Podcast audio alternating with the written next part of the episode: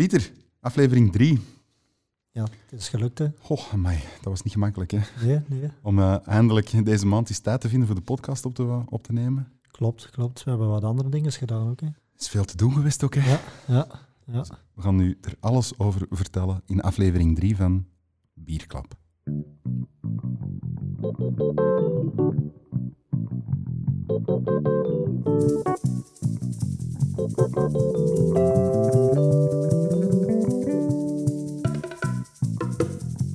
Bierklap. Hmm. Bierklap. Ja. Bierklap. Bierklap.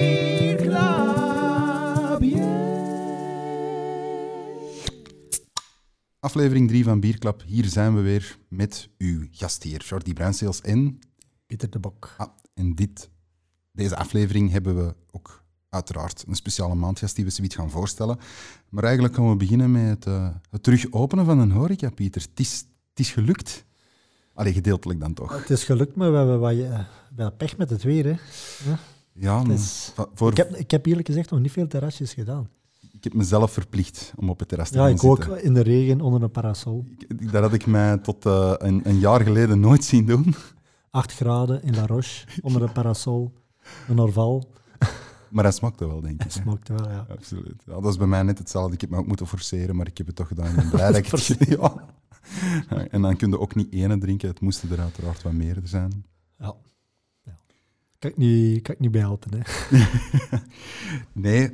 Um, wat we straks ook nog gaan bespreken, Pieter, je hebt uiteraard, zoals, zoals elke aflevering, heb je een correctie aan je been. Het is een, het is een heel stevige deze keer. Ik heb niet liever. Ik heb niet liever. Die bespreken we helemaal op het einde van de podcast, ja, in onze correcties. Maar beginnen doen we, zoals altijd, met onze maandgast.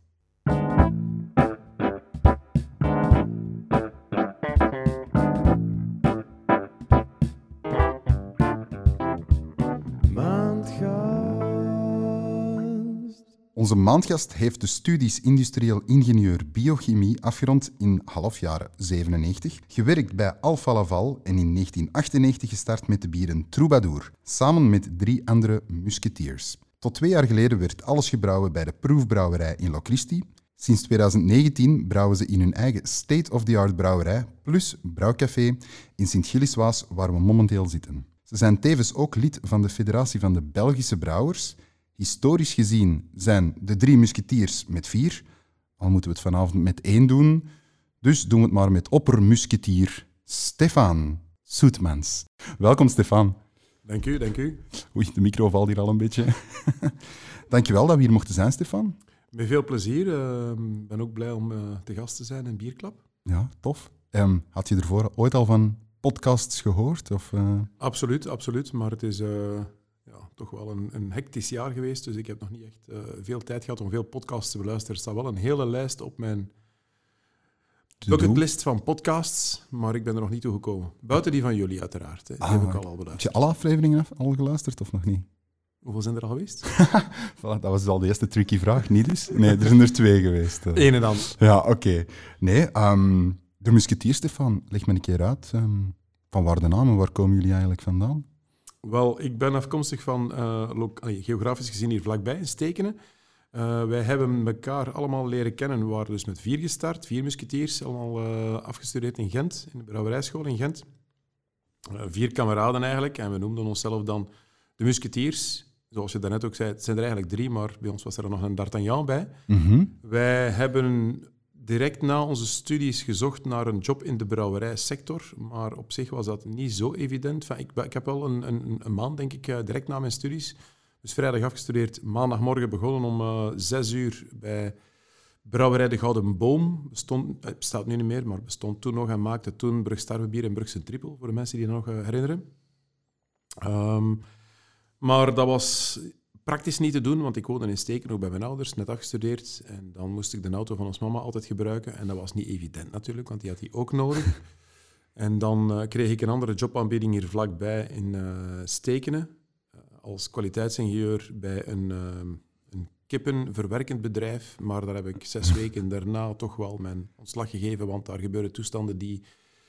Ja, laat het ons diplomatisch zeggen niet kosher waren. En eh, dat bleek dan ook achteraf, want zes maanden na ik er weg was, dan zijn de zaakvoerders daar opgepakt. En uh, dat is een stille dood gestorven, dat bedrijf. Oké. Ja. Dus ehm, ben ik dan verder beginnen zoeken en ik had het wel een beetje gehad. Ik dacht van, allee, je zit een brouwingenieur, is dit nu de markt waar we hierin moeten terechtkomen? Uh, toch blijven zoeken naar een job in de brouwerijsector, maar natuurlijk, je bent heel ambitieus als net afgestudeerd brouwingenieur en dan wilt jij de volledige overview hebben over de brouwerij en niet een stukje van de filtratie of een stukje van de fermentatie of een stukje van de bottelarij. En die jobs, die kon je dat wel krijgen, maar dat was dan, op dat moment, zet je te ambitieus en zeg je, ja, nee. Maar um, ik heb dan een beetje verder gezocht en dan ben ik in januari 98 gestart bij de Zweedse multinational Alfa Laval. Die hadden een uh, headquarters wereldwijd in Brussel, dat was Alfa Laval Brewery Systems. En dan ben ik daar begonnen als projectingenieur, wereldwijd brouwerijen bouwen eigenlijk. Uh, dus en dat, was, dat was heel leerrijk. Ik heb daar dan 10, 12 jaar gewerkt. Ben ik daarna fulltime in de brouwerij gestapt. Dus nu neem ik al een paar uh, ja. stappen verder, want we zijn eigenlijk gestart dus met vier. Uh, Christophe, Sven, Rickert en ikzelf. En we hebben de installatie gebruikt van iemand die hier ook vlakbij woont, in Sint Pauls, van de bier Sint Paulsken, Koen de Kok. Dus die had een, uh, ja, een huistuin-keukeninstallatie van een 150, 200 liter, denk ik. En we brouwden daar geregeld om de maand, maand en half. Dat was dan voor eigen gebruik. Op zich was dat niet zoveel bier als je met vier mensen bent. En er waren dan altijd een paar kameraden die ook nog meekwamen brouwen. En dat was dan een dikke fun natuurlijk. Het was om, om 6, 7 uur s morgens starten tot 10 uur s'avonds. En dan uh, ja, hadden we x aantal uh, bakken bier, zoveel, zoveel weken daarna. Uh, begonnen natuurlijk mensen, familie, vrienden, begonnen ook te vragen van ja, kunnen we die zo niet een bakje kopen of zo? Maar dat ging dan niet, uh, want uiteraard was dat puur partiplezier. We hadden ook geen bedrijfje. En dan gaf die een bak wel mee, uh, maar dat werd dan nog meer en nog meer. En totdat er dan een, een kameraad was en die zei ja, ik heb eigenlijk een café en die wil dat bier verkopen in zijn café. En dan hebben we gezegd dat dat gaat niet, dat kunnen we niet doen. Ja, maar die verkoopt dat wel onder een toog, geen probleem. En dan dachten we, ja, dat zou toch wel heel tof zijn, moesten we ons bier op café kunnen drinken, ons eigen mm. bier. En dan hebben we dat oogluikend toegestaan. En dan kwam er nog een café en nog een café. En dan hebben we gezegd, ja, nu moeten we toch wel ermee stoppen. Uh, ofwel uh, stoppen we daar volledig mee, met dat aan cafés uh, door te geven, ofwel moeten we echt een bedrijf kunnen oprichten. En dan is dat gebeurd in het jaar 2000. Met ons vieren dan, Sven, Rickert, Christophe en ikzelf. Jullie waren klasgenoten dan? Wij waren allemaal klasgenoten, okay. ja. ja, ja. En, uh, en, het grappige is trouwens dat drie van de vier, dus behalve ikzelf, zijn dan op dat moment terechtgekomen bij uh, de biotechnologie. InnoGenetics uh, heette dat bedrijf. Die zaten in Zwijnaarden bij Gent. dus wij zagen elkaar heel regelmatig uiteraard. Hey, 2000 dan een bedrijf opgericht. De, dat was een, een, VOF. En dan zijn we beginnen zoeken naar een paar cafeetjes, want je kreeg natuurlijk provinciebelasting, gemeentebelasting, waterbelasting, milieubelasting enzovoort. En ja, die belastingen waren meer dan dat we verdienden aan die paar bakken bier. Dus we moesten wel een aantal cafés bijzoeken, dat we minstens met de winst die we maakten op dat bier, dat we toch wel onze belastingen konden betalen. Of die vaste kosten. En dat was dat wat meer en wat meer. En dan kwam er na drie maanden een importeur uit Amerika. En die, ik kreeg eigenlijk van een, eh, een café allereerste cafeetje, Oud Arsenaal in Antwerpen, kreeg ik telefoon en die zegt, ja, Stefan, er is hier een Amerikaan en die heeft uw bier hier gedronken heette toen trouwens Musketier. Uh, was ook niet geregistreerd, was gewoon partiplezier op dat moment. Um, of allee, geofficialiseerde partiplezier. En die had dat gedronken en die zegt, ja, ik wil dat onmiddellijk importeren in Amerika. Nu, dat was van, exporteren, hoe doe je dat? Uh, pff, export, ja, alle documenten en zo, uh, dan moet dat in dozen, we hebben geen dozen, uh, dus dat was een beetje zoeken. We moesten dan ook van die importeur dan uiteraard de naam uh, deponeren. Uh, we hebben die dan proberen deponeren hier in de Benelux, de naam Musketier. Maar dat lukte niet, want er was blijkbaar in Nederland een bedrijf, een soort supermarktketen. En die hadden dat al geregistreerd voor Porto. Um, en je kunt dat altijd, of toen kon je dat altijd doen voor drie klassen in, in de dranken. En dat, die hadden dat gedaan voor bier, wijn en porto. En die hadden alleen een porto in de rekken staan mm -hmm. met de naam Musketier. Maar die zeggen, ja, maar als je ooit naar Nederland komt met Musketier dan is dat verwarrend voor de consument en dan weten ze niet of dat dan nu Porto is of bier. Ik heb ze nog proberen overtuigen. Ik zei, maar wij gaan nooit naar Nederland gaan. Uh, enkel naar Amerika. um, dus ik kreeg ze niet overtuigd. En dan hebben we moeten zoeken in allerlei naar een uh, nieuwe naam.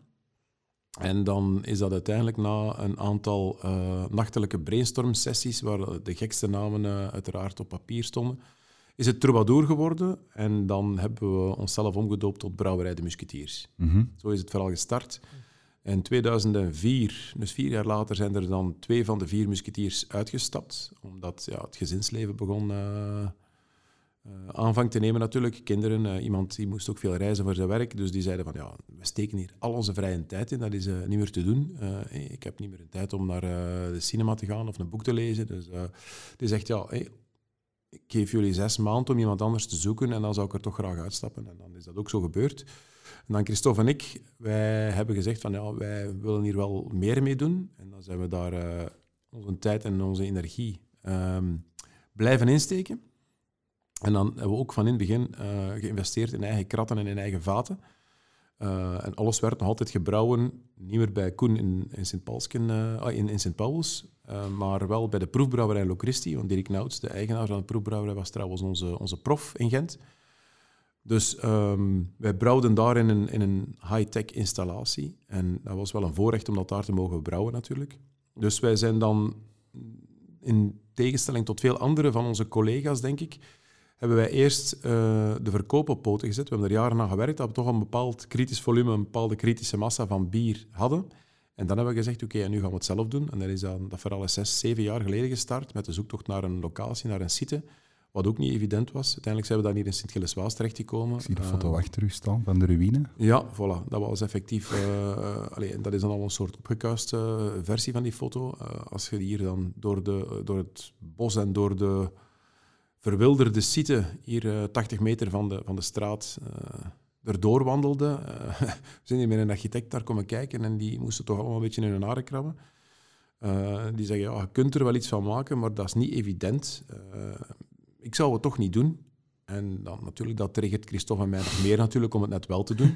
dus we hebben dan wel onze plannen doorgedreven. En allee, we zijn wel fier op wat er gerealiseerd is. Dus eigenlijk is dat een, een, een oude steenbakkerij die hier ehm, volledig gerenoveerd is tot eh, groot brouwerijcafé. En dan daarnaast hebben we een volledige nieuwbouw kunnen zetten met eh, ja, de volledige productie, de warme kamer, de magazijnen, de kantoren, vergaderzaal enzovoort. En dan een nieuwbouw natuurlijk, dat kun je volledig heel die flow logisch opbouwen. Dus de brouwerij is ook eh, heel logisch opgebouwd qua structuur, eh, zodanig dat er weinig afstanden zijn voor vorkliften en zo. Eh, overal een beetje rekening mee gehouden. Ook de mobiliteit hebben we hier eh, bekeken. Dus aparte op- en afritten voor Ja. brouwerijcafé, voor de vrachtwagens enzovoort. Dus allee, dan, dan kun je wel je ding doen. We hebben eigenlijk een jaar en een half rond de tekentafel gezeten. En ik had ook wel veel ervaring met brouwerijen bouwen in het buitenland. Hè. Dus ik had dat daar toen 10, 12 jaar gedaan bij Alfa Laval. Dus we hebben alles op voorhand in 3D laten uittekenen.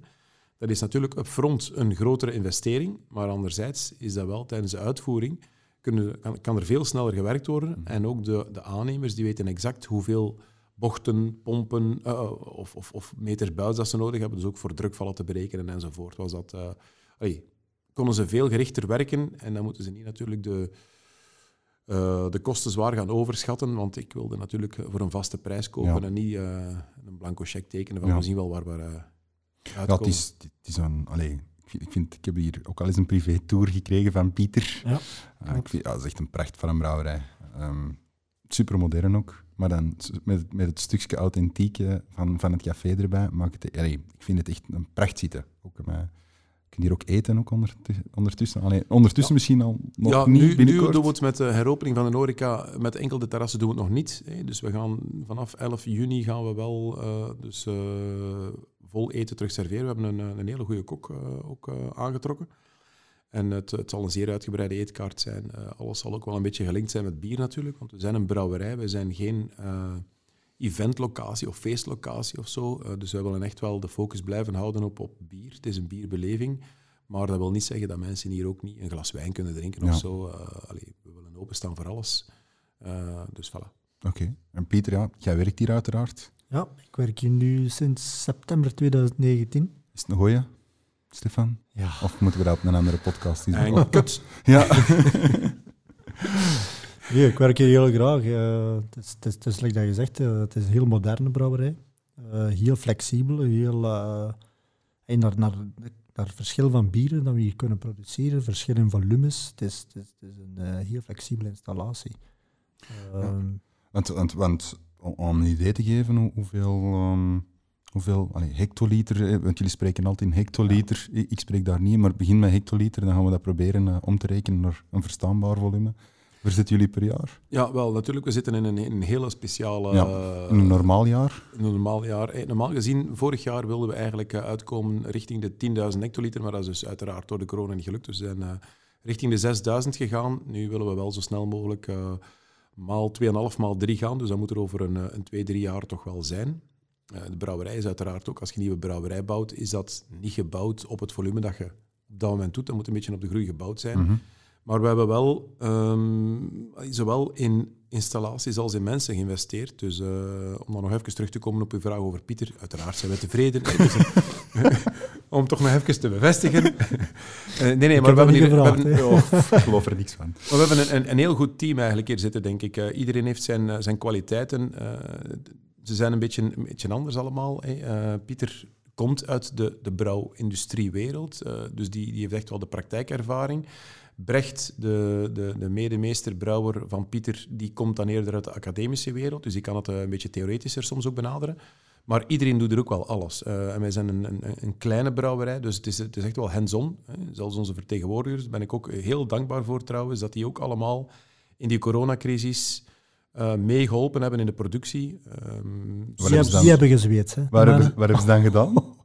Flesjes in de bakken steken. Is, ja, 1000, eh 1500 bakken per dag. is het waar? Ik heb die zien zweten, jong. Dat is ongelooflijk. Hadden ze hun kostuum dan aan? Nee.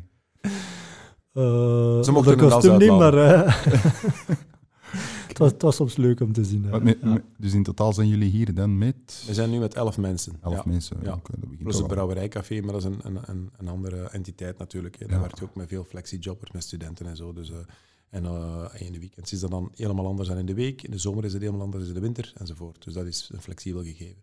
Maar elf vaste medewerkers zitten wij nu, ja. En dan, Maar om, maar om je een idee te geven wat dat wil zeggen, 10.000 Ja. liter 120.000 bakken. 120. En hoeveel doen wij er zo eh, op een jaar? En we zitten- wij, wij zitten ongeveer op een 1000, 1000, 1500. Oké. Maar we dus- groeien ook, hè. Ja, We gaan Ah, ja. twee, maal drie doen. ja, wel, ja dat, dat hoop ik ook te kunnen zeggen, inderdaad. Wat is, want jullie hebben, jullie hebben veel bieren. Dat lijkt misschien veel om daar nog even op in te pikken, Ja. die, die, eh, die 6000 hectoliter, die 120.000 bakken. Maar eigenlijk is dat, is dat... We zijn een kleine brouwerij, onderschat dat niet. Als je dat vergelijkt met de grotere jongens... ehm, als je dan de, de collega's uit Leuven neemt, eh, wij zitten op 6000 hectoliter. In Leuven wordt daar... Die naar de, eh, de site in Jupie, ik denk dat dat 3 miljoen en een half hectoliter is, denk ik. Dus dat is al een, eh, een andere schaal. Hè. Ja, allee, waar ze mij altijd vroeger zeiden, is vroeger hadden ze geen schrik van die kleine, kleine brouwerijen, m- omdat volumegewijs effectief stelt dat niks voor. Maar ja, nu heb ik precies de indruk dat ze er wel schrik beginnen van te krijgen, omdat al die kleine samen, die Ik beginnen toch ook wel dat- wat weg ik te denk niet dat knabbelen. dat schrik is. Ik denk dat ze dat wel een beetje meenemen. En dat ze proberen daar een versterkende... Ze gaan mee in het verhaal van IP en dergelijke. Dus, eh, Ze ze zeggen niet wat die doen, maar wij, wij, ze nee, volgen nee, mee. In het begin, in het begin had dat gevoel soms wel, maar ik denk niet dat dat zo is. En uiteindelijk, ja, 80% van het volume in bier, in- van bier dat in België gedronken wordt, is nog altijd pils. Hè. Ja. Ge- Geeft de kraft 1% van die 80 en we zullen blij zijn. Hè. Ja, ik zou, ik Dus zou tevreden te- zijn met, met 1% van 3 miljoen half Ja, hectoliter. ja, zou ik ja. niet slecht vinden. eh. Eh, nee, jullie, hebben, jullie, hebben, jullie hebben meerdere bieren hier. hè? Ja, Ja, we hebben ehm, ondertussen vier verschillende bierlijnen. Eh, de Troubadour-serie is de, de bekendste, denk ik dan. Daarnaast hebben we dan de Belgian Legends.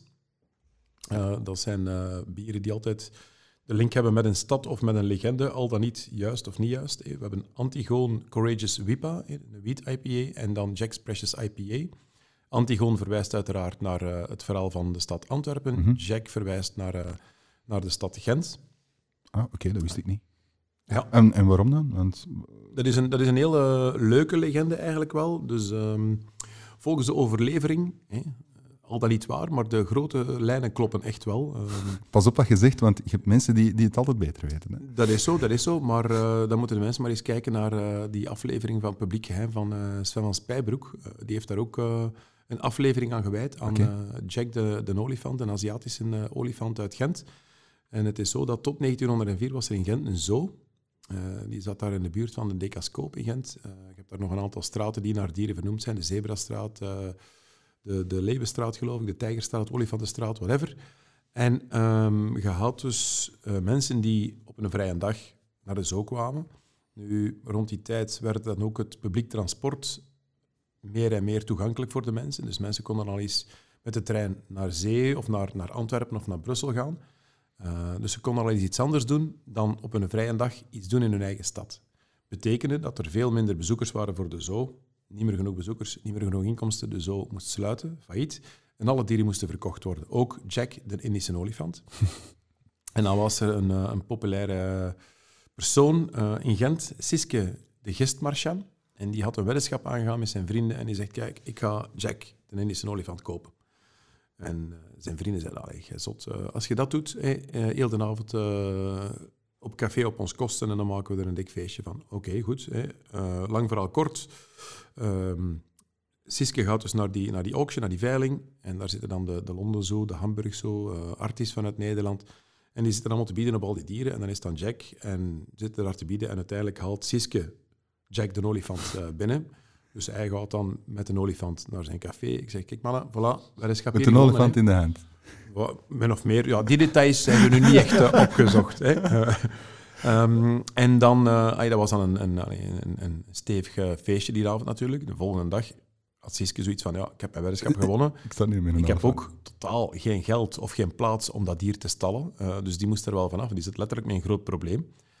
en, um, Afvalprobleem ook, denk ik. Die heeft dan, ja, die heeft dan uh, contact opgenomen met uh, al de mensen van de verschillende zoos uit andere landen die er nog waren. En die heeft dan gezegd van, kijk, willen jullie hem niet kopen? Hè? En iedereen zei van, ja, voert, audio een olifant, maar ga gisteren de prijs opdrijven. Het is nu uw probleem, wij trekken het ons niet aan. Um, dus ja, die zat een beetje met zijn handen in zijn haar. En dan, um, ik zeg, het is eigenlijk een beetje een, een triestig verhaal. Uh, vandaar is het eigenlijk ook een ode aan Jack de Jack Olifant. Uh, want een goede kameraad van Siske was net terug uit de Congo. En je voelt mij komen. Ja. was dan op uh, olifanten gaan jagen. Toen was dat nog redelijk normaal, denk ik, die tijden. Nu is dat uiteraard, uiteraard totaal onvoorstelbaar ja, voor mensen. Nu um, had hij gezegd van ja, ik zie geen andere oplossing, dus ja, um, geeft hij het genadeschot, hè, Jack. En dan heeft uh, die kameraad van uh, uh, Siske Jack neergeschoten. En dan heeft Siske het olifantenvlees verkocht aan de Nederlandse worstenfabriek. Dus eigenlijk is het trieste einde van Jack de Indische olifant geëindigd in Nederlandse worsten. En vandaar dat wij ook op het etiket van Jack, het is een oranje etiket, en er staat dan een Indische olifant op met uh, in de ene hand een uh, slagersmes en in de andere hand een uh, worst. En dat is eigenlijk dan een ode aan het trieste verhaal van Jack de Indische olifant. Prachtig Die zo gestorven is, ja. Maar wist jij dat, Pieter, voordat je hier kwam wonen? Ah, wo wo wonen, nee, werken? Nee, nee, nee. Ik heb dat toen eens op een, een vergadering met klanten een keer, de eerste keer gehoord en dat was... ja, ik vond dat... Maar dat is ook een leuke link, denk ik. Het is, het is een allee, Jack's Precious IPA, hè, IPA Indian Pale Ale. Ja, ja, klopt. Dus dat is, dat is ook nog leuk dat dat een Indische olifant was. De link was er, ja, voilà. En het is ook weer een leuke legende natuurlijk. Hè. Een heel goed bier trouwens. Ik heb het nog niet geproefd. Subiet misschien. Ja, deze. Ik hoop het. Ja. Um, want, want jullie hebben dan hè, de, de Troubadour, jullie hebben dan de Jacks, jullie hebben dan de, de Belgian... Legends. Legends. Dus ja, daar valt Check en Antigon onder. Okay. Daarnaast hebben we dan ook de bucketlist-serie. Ja. Dat was een idee dat ik had. Uh, ik wilde een beetje fus creëren naar aanleiding van de opening van de brouwerij. En dan was ik een beetje aan het brainstormen met Christophe en met ons sales team. Um, en dan was het idee van een soort countdown-serie. Dat was het initiële idee. Gewoon drie bieren op de markt brengen. Te starten twaalf maanden voor de opening van de brouwerij. Dus met het cijfer 3, vier maanden na 2, vier maanden na 1. Dus 3, 2, 1, go met de nieuwe brouwerij. En dan zijn we erover beginnen nadenken van oké, okay, welke drie types van bier of welke bierstijlen gaan we daarvoor selecteren? En dan kwamen we toch wel tot een lijstje van een, een enkele tientallen bierstijlen die we ooit in ons leven nog wel eens zouden willen doen, maar uiteraard niet permanent in stok kunnen houden. Dus we zochten wel, dat was dan een leuke uh, combo om dat dan uh, om, een, een, lijn van tijdelijke bieren van te maken. Dus eigenlijk onze brouwers bucketlist van bieren die we nog ooit eens willen maken. En dan de namen van die bieren hebben eigenlijk niks te zien met bier, maar zijn gewoon zaken die we op het internet vinden, die op mensen hun bucketlist staan. En dat kan dan gaan van uh, okay, Party on a Jamaican Beach. Um, de laatste was nu Get a Tattoo. Uh, de voorlaatste was Kiss My Neighbor's Wife. Ja. ehm Crowdsurf in de Rubber Dinghy, eh, Cross the Desert, eh, See the. Northern Lights. Ja, Ja, heb, van mijn bucketlist. eh. ik, heb, eh, ik heb van de week de... de kies de- Noorderlicht gezien. Ja, Noorderlicht, nee, nee, nee. Ik heb de the Neighbor's Wife. Heb ik, eh, ik, ben, ik, ben, ik ben geen IPA-fan. Ik vond die zo lekker. Oh, dat, ja, dat, het is wel een heel gevaarlijk bier, die the Het was, Neighbor's Wife. het was ook op aanraden van u. Ja, Het was op aanraden van mijn buurman. Ja. Die zei, goh, die Kiss the Neighbor's Wife. Oh, Ik had u dat ook al aangeboden, maar toen moest je dat niet. Ja, ik zei IPA wel. Ah. Ik drink dat niet zo graag. IPA. Oeh. Ja, en ik zeg, toch een keer proberen. Ik vond dat waanzinnig lekker. Net Mhm. zoals mijn buurman zei, wat een lekker biertje is dat. Dus, eh, ja, maar het is ook niet IPA, IPA. Nee. We zitten heel dikwijls met onze bieren een beetje in een, in een hybride stijl. Eh, Grijze zone. ja. Mijn, mijn Ja. vrouw is geen bierdrinker, maar ik ben er zeker van als ik die Ja? morgen kies, de kies My Neighbor's Wife geef, dat ze dat absoluut gaat drinken. Ja, Hm. Absoluut.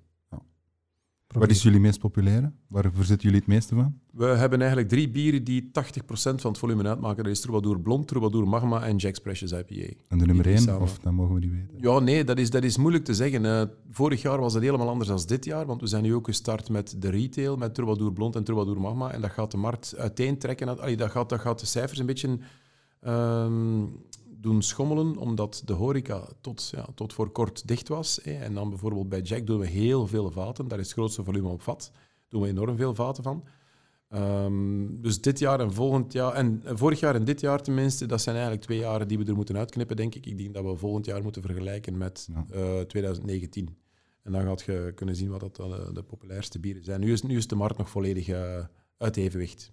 Want Boudelo? Baudelo, ja. Ah, dat Ba- is de- Baudelo, sorry. Ah, Nee, nee, nee, hij geen heeft me- probleem. Hij heeft me nog nooit gecorrigeerd dat ik verkeerd zei. Zeg je Dus altijd Boedelo? Ik zeg altijd Boudelo. Maar ik denk altijd, jij zat zit gewoon. Oké, dus Boudelo. Maar dat kan dan een correctie zijn in de volgende podcast. Ja. Nee, nee, dus het is eh Baudelo, Baudelo, Baudelo. Hè. Drie Ja, keer herhalen. Want we hebben ook drie Baudelo bieren. Baudelo Blond, Baudelo- Baudelo Triple en Baudelo Grand Dank Cru. En dat is eh, de nieuwste bierlijn. Dat is eh, gelanceerd midden januari. En dat verwijst naar de voormalige Baudelo-abdij in Klein Sinaai, deelgemeente van Stekenen. Ik ben daarvan afkomstig, dus ik kende die Baudelo-abdij wel. Eh, de rest niet veel meer van natuurlijk, maar dat is bij de meeste abdijbieren zo. En wij wilden daar toch een beetje een ander imago aan geven. Abdijbieren hebben over het algemeen, en kan misschien een beetje te kort door de bocht, ehm, maar die hebben een beetje een albollig, een beetje stoffig imago. Dus we hebben getracht, eh, zowel van eh, de design van de labels, dus de uitstraling, als de smaken, daar toch iets anders aan te doen. Glas Ehm, ook. Vond Ja, het mooi het glas glas. ook. Ja, inderdaad. Dus we hebben eigenlijk heel die, heel die uitstraling proberen eh, een beetje te moderniseren. is ook eh, fout uitgedrukt. Ik denk dat wij een beetje de gevaarlijke uitspraak, de crafty abdijbieren maken. Eh, jullie mogen mij corrigeren, uiteraard. Ja, maar, dat klopt. Mhm, mhm. Klopt. Ja. Dus het is niet zomaar een blonde, het is niet zomaar de zoveelste triple of zomaar een Grand Cru. Het is echt wel met de typische musketiers twist eraan, dus niet te categoriseren. En om dan nog even terug te komen op daarnet van, hey, van bierstijlen en zo. Ehm, als je meedoet aan bierwedstrijden, er zijn heel veel bierwedstrijden, dan moet je natuurlijk altijd een categorie aanduiden. En heel dikwijls is er voor verschillende van onze bieren geen categorie waar die in past. Dat kan dan bijvoorbeeld zijn met Magma, dan moet het ja, maximaal, eh, in een bepaalde categorie mag het maximaal 7% zijn. En dat is dan wel een goede beschrijving van de bierstijl, wat magma is, maar dan lukt dat niet omdat het percentage van magma 9 is. Of ehm, het is te veel IBU, of het is dit, of het is dat. Dus wij zitten, dat is het schoonste voorbeeld om aan te tonen dat wij echt wel in die, in die hybride stijlen zitten. En dat is ook wel, denk ik, leuk voor ons en ook leuk voor de, voor de consumenten, omdat dan drinkt je een keer iets anders. Wij willen eigenlijk niet ehm, in die niche-niche-markt zitten, maar we willen ook niet in die grote mainstream-markt zitten van, van bieren. Wij willen echt zo bieren met een twist dat net het smaakpalet van de mensen toch een beetje doet Mhm. opentrekken. Hè, dat mensen iets Hmm. anders durven drinken zonder direct extreem te gaan. Hè. We willen wel graag dat mensen natuurlijk een tweede drinken, en een derde. De bekomtlichheid, zeggen ze in Voilà. Ja, ik, ik moet er zelf al schuldig aan maken. Want ja, natuurlijk, ja, Pieter werkt hier, dus... ehm bij Oh, wat mag maar verzetten? We- hè? we- we- maar- En de, de, de Barrel Aged eh, vond ik ja, Ja. waanzinnig lekker. Ja, Ja, Magma X. Ja. ja, ja. ja. Ja. Top. Ja, Ja, dat was eh, ter gelegenheid van het tienjarig bestaan van Troubadour Magma. Ja. En je hebt zo ook nog een, want dat moest Pieter zijn, dat ik dat zeker moest vragen. Ehm, je hebt ook nog een donkere IPA Eh, klopt dat? Troubadour Westkust. Ja, ja, en je moest Ja. mij vooral vragen hoe dat ze de naam in, eh, in Frankrijk of in Wallonië uitspreken. Ja, eh. daar, eh, het woord Westkust heeft eigenlijk twee S'en en de tweede S vergeten ze heel dikwijls. Wij krijgen bestellingen binnen van ja, een palet Troubadour Westkut. Ik heb een paar keer dan gevraagd aan, aan onze Franse distributeur dat dat iets betekent, dat woord in het Frans. Maar ik denk dat dat puur linguïstisch is, dat ze dat moeilijker kunnen uitspreken. Eh, een beetje raar, maar goed. eh, ja, ze kunnen wel West zeggen en niet kust. Ja, Wat begint Ik, ik heb al Wetcut ook gehoord. Witkut, ja. ah, oké. Ja, ja. Ja, oké, mag, mag gezegd worden. Hè. Dat is een 18 plus eh, podcast ook. ja. Nee, ik, Eh. ik hoor van Pieter dat het hier zo wel een inside joke is, eh, ook onder de, onder de sales. eh. Maar we hebben zien ons hier wel zin in de, ja, ik de brouwerij. Dat, ja, ik heb dat geloven. Nu Sebastiano dat wil zingen in de brouwerij, zijn het is compleet. Ja, maar ja, daar, moeten we, daar moesten we het eens over hebben. Dan Moesten moeten we een radio brengen. verkopen, Ja, eh. een radio of een zanginstallatie of Ja. zoiets. Hè. Danig Ja. dat hem hier elke week, misschien in het café of zo. ehm, Maar we gaan dat zeker doen. Hè. We hebben tijdens de tweede lockdown hebben we hier eh, een aantal technische aanpassingen gedaan eh, in de zaal boven het brouwerijcafé, echt waar. Eh, zodat dat er daar ook PA's kunnen aangesloten worden en licht- en geluidsinstallaties. En eh, het is wel de bedoeling dat we, als alles een beetje terug mag, dus het zal na de zomer zijn, dat we één keer per maand een, eh, een comedyavond of, of, een beetje een cabaret of kleinkunst of muziekoptredens eh Kijk. gaan doen. Eh, dus By dat the way, wel- Sebastiaan, en voor de mensen die de eerste keer luisteren, is een collega van mij hier in de brouwerij. misschien moeten we een hashtag Die heeft, ook, die heeft ook de intro's en de muziekjes voor de Dus bierklap gemaakt. Misschien moet ik dus- zeggen een hashtag, dat dan de mensen dat, dat veel kunnen gebruiken. En ik kan hem er op de duur Ja. niet meer onderuit. Hashtag, ja. Wat stuur je suggestie in? Ja. Hè? Hashtag voor Sebastian, die dat in de brouwerij moet komen zingen. kwart, kwartfinalist geweest bij The Voice. Ja, Dus, eh, de laatste vijf of zes. Ja, Dat is al twee keren dat we nu over die... Misschien moeten we hem de volgende keer er ook eens bij halen. Eigenlijk, misschien wel, ja. Eigenlijk Ja. wel. Een, een live sessie dan. Een live sessie. een live inter, eh, de, de jingles live brengen. Daar moeten we misschien nog iets mee doen. Ja. Goed, Stefan, blijf zeker bij ons. Het was een heel leuk, interessant stuk. Heb je zelf nog iets te zeggen dat je absoluut nog over de Troubadour en Family, of de Musketeer Family, wilt zeggen dat we vergeten zijn? Eh, niet echt. Ik denk dat we nog wel een beetje verder zullen babbelen. eh, als ik nog ja. even mag blijven. Ja, maar eh. Er, is nog veel, er zitten nog heel veel projecten, heel veel leuke projecten in de pipeline. Dus, eh, Dat is ineens een uitnodiging om nog eens terug te komen binnen eh, de- voor de honderdste aflevering van Bierklap. nee, goed. weet, ja. Oké, dankjewel, Stefan. I'm on the road. Yeah, I'm on the road. Yeah, I'm on the road. Yes, I'm on the road to be. Yeah. De Road to Beer, Pieter. Normaal gezien gingen we het hebben over... eh, Ja, de volgende stap in het hè. proces, het filteren, maar eh, je was niet tevreden. ja, ik was niet tevreden. Ik, had wel wat dingen verteld over het meisje, maar eigenlijk zou ik misschien nog honderd podcasts nodig hebben om over het meisje te kunnen vertellen, maar ik vond toch wel dat ik iets, iets eh, cruciaal vergeten was. Dus daarmee gaat er nu een, een, een Maischen versie 2.0 De proberen. versie hè. 2.0. Gaan Oké. we dat proberen, ja. Begint er al. Ja, ja. Dus ja, kijk, we hebben het over het meisje gehad. Dus een heel belangrijke stap in het brouwproces. Ehm wat we al verteld hebben, waar we eigenlijk van zetmeel suikers gaan maken. Maar we kunnen dat dus eigenlijk op verschillende manieren gaan doen. En brouwmethodes noemen we dat eigenlijk. En eigenlijk zijn er drie methodes, twee gekende en de derde is wat minder gekend. In België is dat wat beter gekend. En dat is de manier waarop, we, we gaan inmaïschen. hè. We hebben de infusiemethode, daar gaan we straks iets over vertellen. We hebben de decoxiemethode. En dan hebben we ook nog de, de troebele wortmethode of de slijmmethode. Dat, gaat- dat is iets meer gekend bij de, de lambiekbrouwers. Maar ik ben zelfs niet 100% zeker of dat nu deze dagen nog eh, eh, wordt gedaan, de slijmmethode of troebele wortmethode. Dat gaan ze ons ongetwijfeld. Ik hoop het, dat de, zeggen. maar we gaan ook wel nog wel een keer eens een maandgast eh, in die regio gaan, eh, bezoeken. gaan bezoeken. Maar om nu te zeggen, infusiemethode, het zal bij veel mensen niks zeggen. Nee. Uh, maar dat is de methode waarop de meeste brouwers eigenlijk nu manchen. En wat wil dat eigenlijk zeggen, infusie? We beginnen bij een bepaalde temperatuur, waarop dat bepaalde enzymen gaan inwerken. En we gaan stap voor stap gaan we hoger in temperatuur.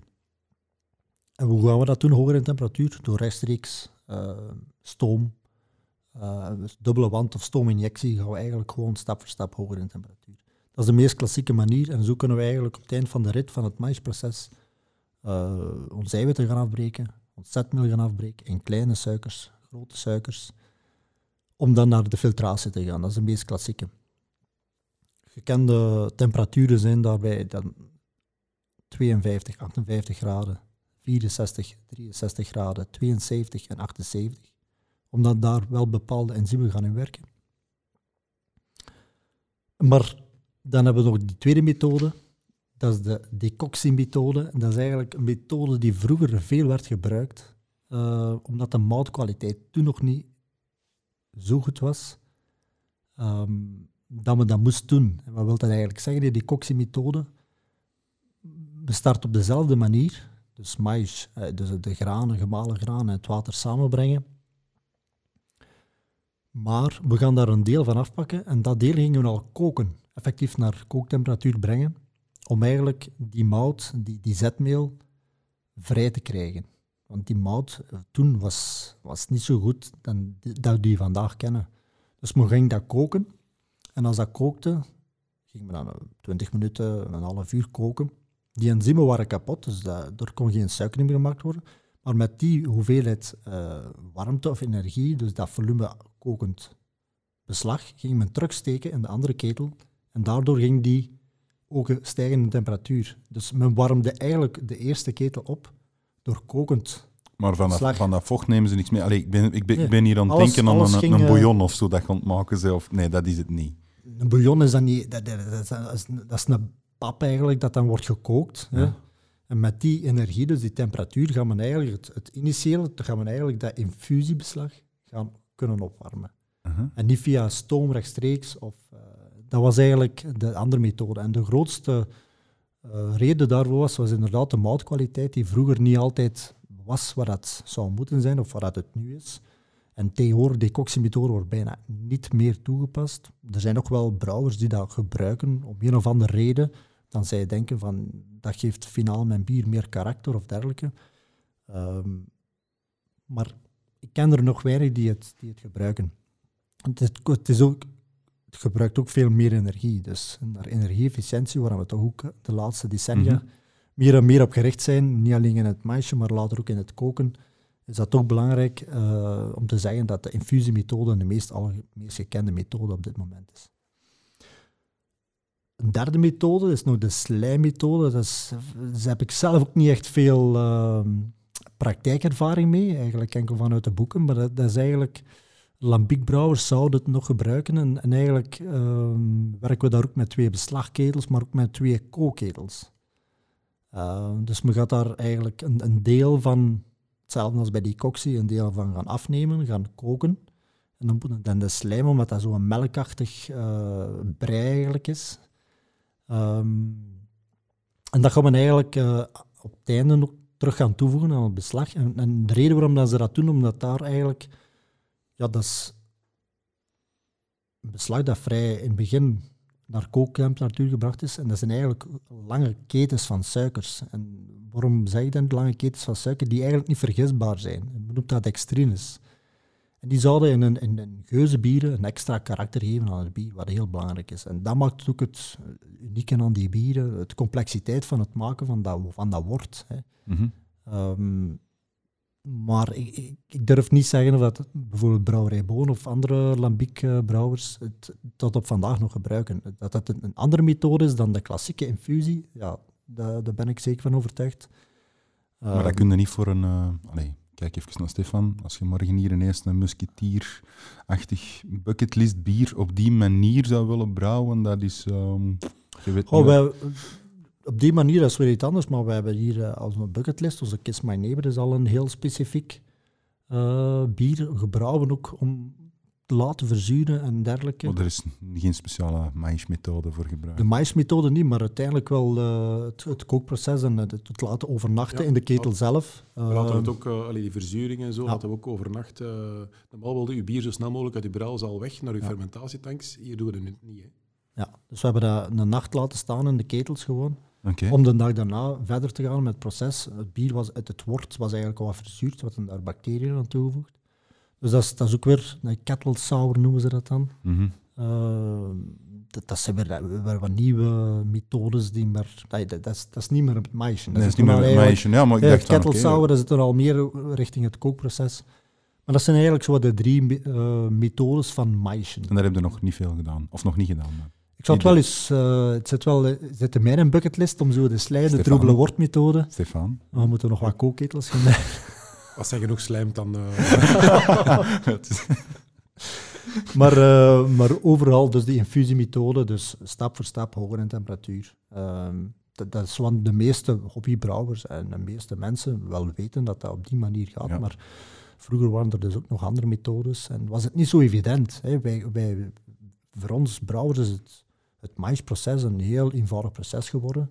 Met automatische sturing, met goede moutkwaliteit. Het is maar op start duwen en alles wordt gemengd. En, maar vroeger was dat een hele kritische stap. Daar gingen ze bij wijze van spreken, dat is nog geen temperatuurmetingen, gingen ze met een elleboog en het eh, voelen of dat, eh, like, like dat je de kleine kindjes eh, in bad steekt, gingen ze een keer voelen, ah ja, of er waren zelfs brouwers die keken in het, in het beslag en naar gelang hoe dan ze weerspiegeling zagen in het water, dus voordat ze de motor, eh, was het enkel water aan het opwarmen, Ja. na de weerspiegeling in het water konden ze zien hoe warm dat was.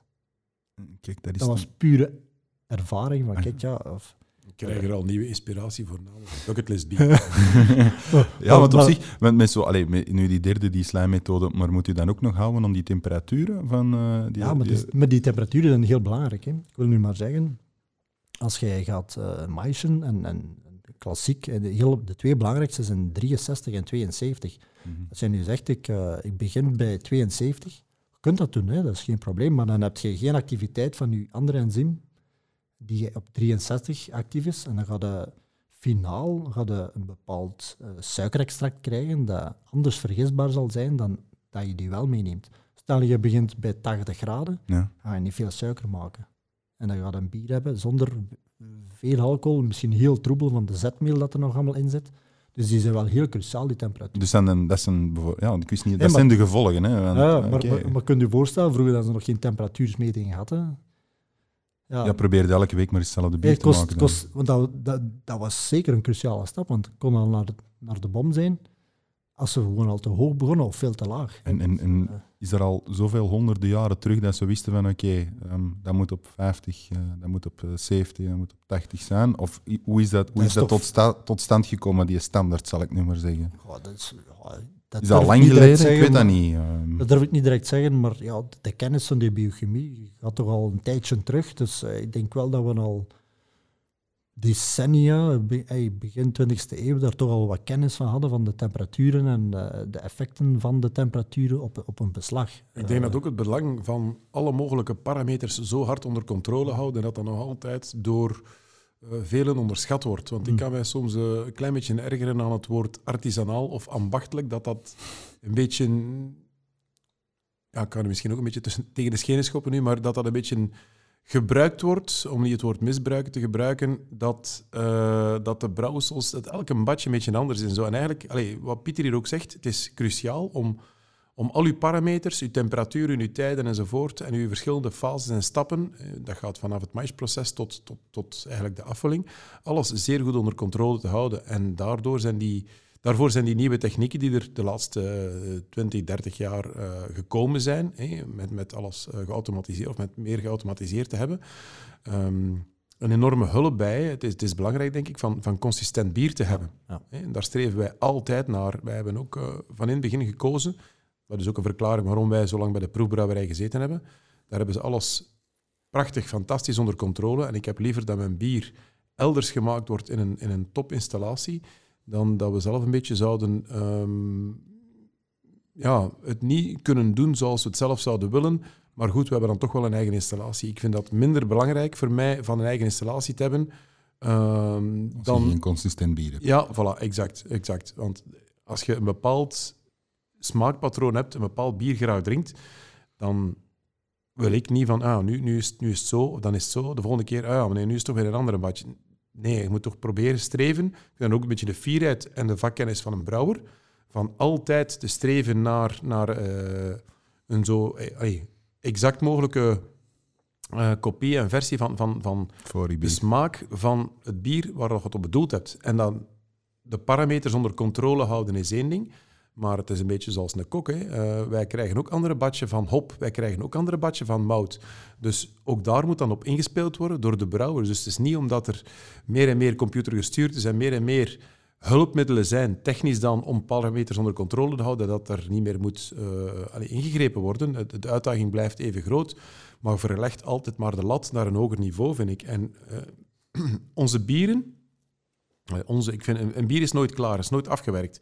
Je moet er altijd naar streven van dat nog te verbeteren. En ook dingen, dat gaan, gaan misschien in, details zijn. En, en de meeste consumenten gaan dat niet proeven. Maar wij drinken onze bieren, ja, logisch denk ik, uh, zeer regelmatig. Uh, en dan proeven wij wel heel kleine verschillen die misschien niemand gaat opmerken, maar dan we zeggen, ja, dit moeten we toch nog een beetje proberen fine-tunen, nog een beetje daarbij sturen. Uh, zeker, zeker, Het moeilijkste is eerst al achterhalen van...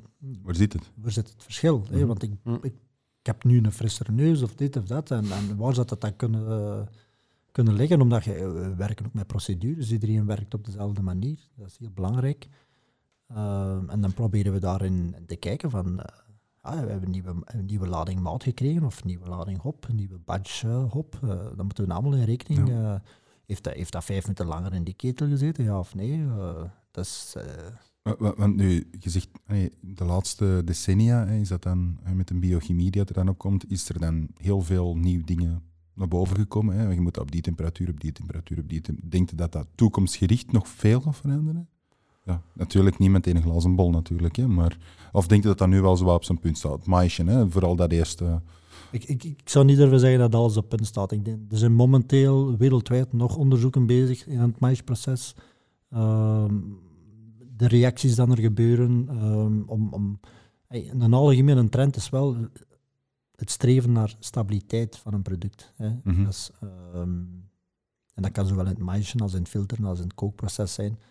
Um, maar die biochemie, ja, het, is, het is ook ja, met grondstoffen, nee, het, is, het is altijd anders. En de reacties, en, en, en ik ga niet zeggen dat we alles weten, tegendeel. En het moet ook wel één weten en ook nog twee toepasbaar zijn eh, op, een, op grote schaal. Hè. Dus, uh, het is dus zoals Pieter zegt, hè, als je een bepaald verschil proeft in een bier, uh, dat dat echt bijna niet waarneembaar is, maar wij wel, wat wij wel proeven dan, dan is het, ja, ligt dat effectief aan, aan, een grondstof of aan een procedure die misschien een klein beetje anders gegaan is. Of, of, dus het is, het is echt wel belangrijk van die, die procedures zo nou, nauwgezet uh, mogelijk te volgen. Het kan zijn dat dat in, een, in het maïsproces gebeurd is, die, die verandering. Het kan zijn dat de gisting bijvoorbeeld een beetje sneller of trager gegaan is en dat kan ook een impact hebben. Uh, Stel nu dat de hop uh, een minuut uh, of een paar minuten vroeger uh, meer of minder lang in de kookketel ehm, verbleven hebben, dat gaat een effect hebben op dat bier. Want proeven jullie in die stappen? De tussenstappen proeven is, is, is een kunst. En ik ben altijd van mening dat dat te moeilijk is om daar conclusies uit te trekken. Dus wij gaan eigenlijk pas proeven als wij gaan centrifugeren als de gist eruit is. Iets van 100 graden proeven is ook te moeilijk. ik heb vandaag nog wort ge gedronken. Ja. Uh, dat doe ik soms wel eens drinken, Ja. suikerextract, uh, om, zo, uh, om al eens te kunnen... Als er kruinen zitten, is dat, kun, je, kun je dat al eens een keer doen. Ja, ik dacht dat dat was omdat je een thermos koffie vergeten was. nee, toch niet. met kruiden kun je zo al eens, al eens gewaar worden, maar eigenlijk kun je, eens dat die gist erop zit, kunnen maar echt goed gaan proeven als die gisteren terug uit is.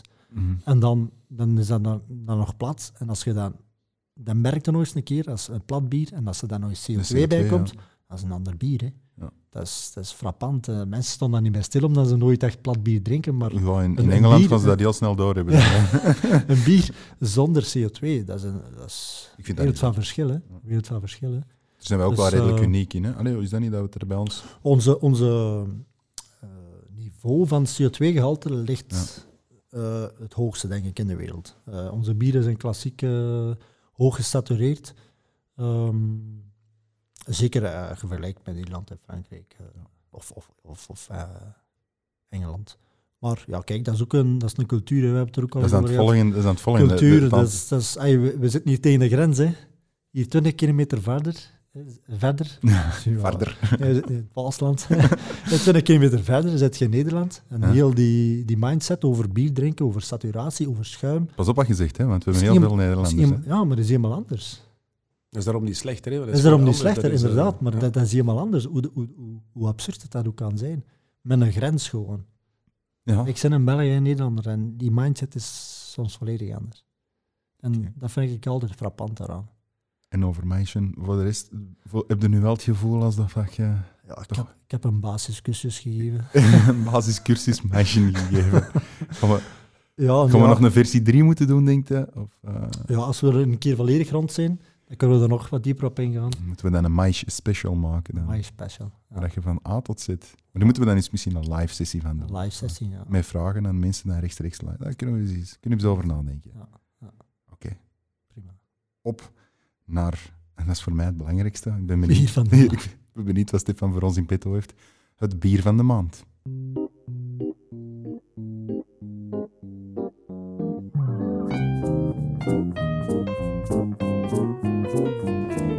De maand. Het bier van de maand. Stefan, het is aan u terug. Ja, dank u. Wat zijn we aan het Ehm, drinken? Wij gaan, wij zijn al, ik zeg, We zijn al, zeggen, ja, wij gaan, we zijn al aan het proeven eigenlijk van Troubadour Magma. Dat is Van een beetje het, eh, ja, van het vat. Dat is een beetje het flagship eh, van onze brouwerij, de Musketeers. Eh, eigenlijk is dat een beetje de doorbraak, is nu veel gezegd, maar je hebt altijd als kleine brouwerij een voet tussen de deur nodig, zo'n beetje een, een door-opener om dan op menukaarten van horecazaken of drankenhandels binnen te geraken. En, eh, dat is toch wel het bier waar we denk ik het meeste fier op zijn en, het meeste voor gekend zijn ook. Eh, het leuke is dat in de meeste biercursussen is Troubadour Magma een vast onderdeel geworden.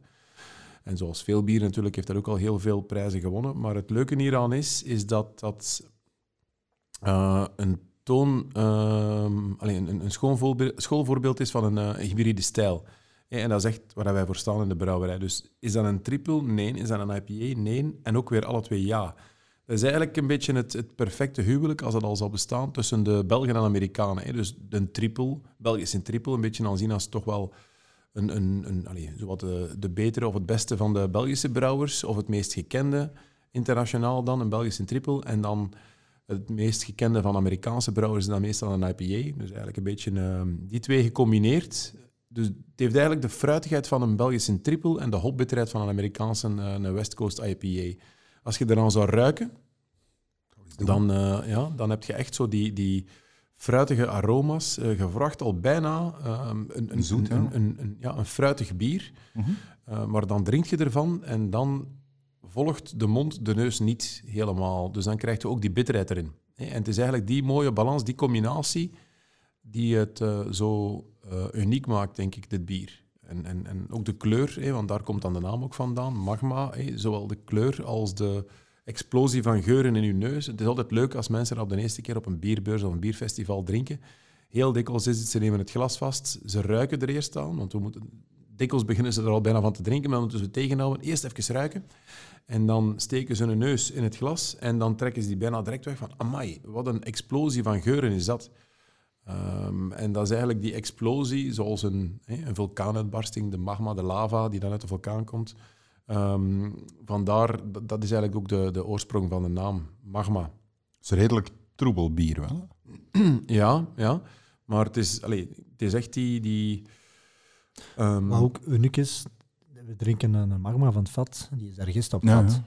ja. Dus eh dat komen we ook niet vaak tegen, eh, bieren die hergist zijn op vat. Maar de, dat maakt de magma nog meer de magma. Dat, is, Ja. dat, dat is grappig dat je dat zegt, want ik heb vandaag iemand die, me, die, die zich dan afvraagt van ja, hoe zit dat nu met bieren op vat worden? Die, die daar ook op gehergist? Of, eh, Ik, eh, ik eh, moet eerlijk zeggen, magma is het eerste bier dat ik ken dat uh, hergist wordt op vat. Er zullen er nog zijn, hè. Mhm. Maar over het algemeen wordt het niet als eh, eh, gangbare praktijk eh, gedaan. Maar we hebben, we hebben, het is getest geweest. Hè. We hebben het hier, eh, het, geeft een wezenlijk verschil. Hè. Geeft dat een groot verschil dat je het hergisten op fles Ja. of het hergisten op vat?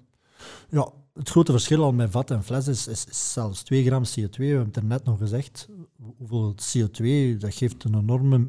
Meer CO2 op vat als op fles? Nee, nee, minder. Minder. Anders krijgen we het niet getapt. Dus op, fles, Ah ja, op een fles zit altijd meer CO2.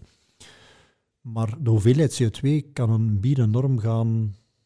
een, een- een verschil gaan, gaan waar, weergeven eigenlijk. Hè. Dus een plat bier of een, een bier met CO2 is een, zijn twee andere verschillende bieren. Wat doe jij het liefste? body van uw bier is ook anders. Hè. Ja, Eh, body, en, ja. en, en de saturatie, dus het valt eigenlijk Eh, om het extreem te zeggen, als je een, een, een zwaar gesatureerd bier hebt, hè, dus Mhm. met meer koolzuur in, dat valt ook zwaarder op de maag. Dat Ja. geeft u direct een, een, een, een, een voller, een voldaan gevoel. Ehm, dus het is altijd een beetje die balans vinden tussen enerzijds smaak, want dat heeft natuurlijk een effect op de smaak, en anderzijds ook dat, dat too much effect van, van als, het er veel, als er te veel koolzuur in zit. En waar heb je het liefst op vat of op eh, flesje? Als jij mocht kiezen? Goh, ehm, ik denk dat ik moet blijven testen. eh. dat is goeie. Nee, maakt het eigenlijk niet Nee? uit. eh, nee. bij Magma maakt mij dat niet uit, nee, Ja. inderdaad. Dus dat is, dat is ook omdat... Allee, Dat is ook weer een, een Ja. pluspunt van de magma. Hè. Het maakt eigenlijk niet uit. Hij is zo goed dat het... Ja, ik, ik, ik proef hem nu voor de eerste keer van het vat. Ja, Ik vind het vat beter. Maar, dat is, maar ik vind het romiger. magma niet slecht, hè, want Is romiger. Ja, ja. Ja.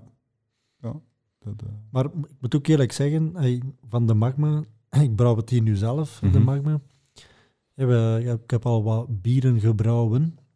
Het is, het is een van de moeilijkste bieren ook om te brouwen. Qua complexiteit, qua... En is, is de magma diegene waar jullie origineel gestart mee zijn? Nee, we zijn gestart met Troubadour Blond.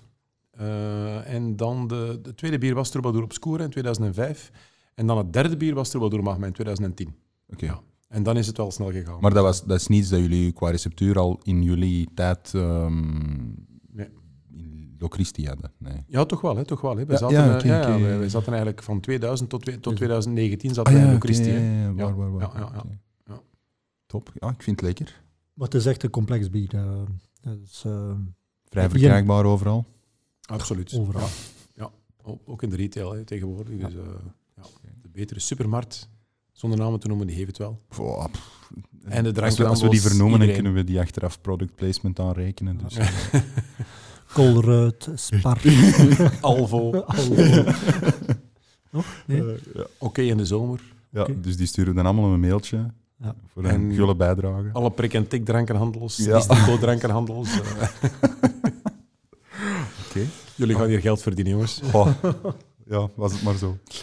Nee, oké, nee, super. Ik vind het echt super lekker. Ehm, Het is ook een bier dat gedraaihopt is. hè. Ik weet niet of je Ja. daar al uh, ja, draaihopping, dat je dat al onze, uitgelegd onze Remy hebt. is, Remy is ook gedraaid. Gedraaid, daar hebben we het ook al over gehad. Het is inderdaad gedraaid bier. Dat was eigenlijk wat, ook een- wat eigenlijk die explosie verzorgt. Hè. Dus eh, als we echt in de neus gaan, een- pompelmoes, eh passievrucht, litchi, dus echt de tropische. We werken ook met Amerikaanse hoppen, dus dat maakt die tropische vruchten die er wel wat uitkomen. Dus het Eh, was eigenlijk, even terug te gaan, het was die Amerikaan die eigenlijk het liefste die een blonde dan dronk. Nee, want toen waren we al met die Amerikaanse importeur... Ge... Ah, ja, sorry, sorry, excuseer. Ja, het was eigenlijk de Amerikaanse importeur waar ah, ja, ons, ons allereerste exportland was Troubadour Blond, juist. Ik zou dan eerst verwachten van, wow, die drinkt die magma en die zegt, oh. Ja, maar, maar dat je stond er nog niet. Hè. Je kunt, niet gelo- je kunt niet geloven wat de laatste twintig jaar veranderd is. Heb je nog contact met die Amerikaan? Weinig. Die, die is ook... eh allee, de, hele, de, de totale Amerikaanse biermarkt is enorm veranderd. Ja. Twintig jaar geleden Ja. en nu, dat, dat kun je Ja. niet meer vergelijken. Dat is gigantisch anders. Daar is een, eh, ik denk dat Amerika ondertussen de grootste concentratie van eh, craft breweries heeft. Nu, craft breweries, de definitie alleen al is in Amerika een beetje anders. Daar wordt gelobbyd om die definitie te herzien. Hè. Ik denk dat het nu is tot, tot 3 miljoen hectoliter of tot iets meer, denk ik, of tot 4 miljoen ondertussen. Dus Want af en toe om de zoveel jaar verandert dat, is het een craft brewery. Ja, oké. Ja, ik, Eh. eh, ik, ik, ik heb het voordeel, voorbeeld vorige week nog aan de Pieter laten zien. Ik, ik ga regelmatig naar Minneapolis. En daar heb je de Surly Brewery. Mhm. Ik heb hem daar eens een foto laten zien van... eh, Dat is groter dan Alkemaas. En dat wordt daar als een... Dat is een local brewery. Mhm. Ja. New Belgian Brewing is ook een craft brewery. Dus, ja.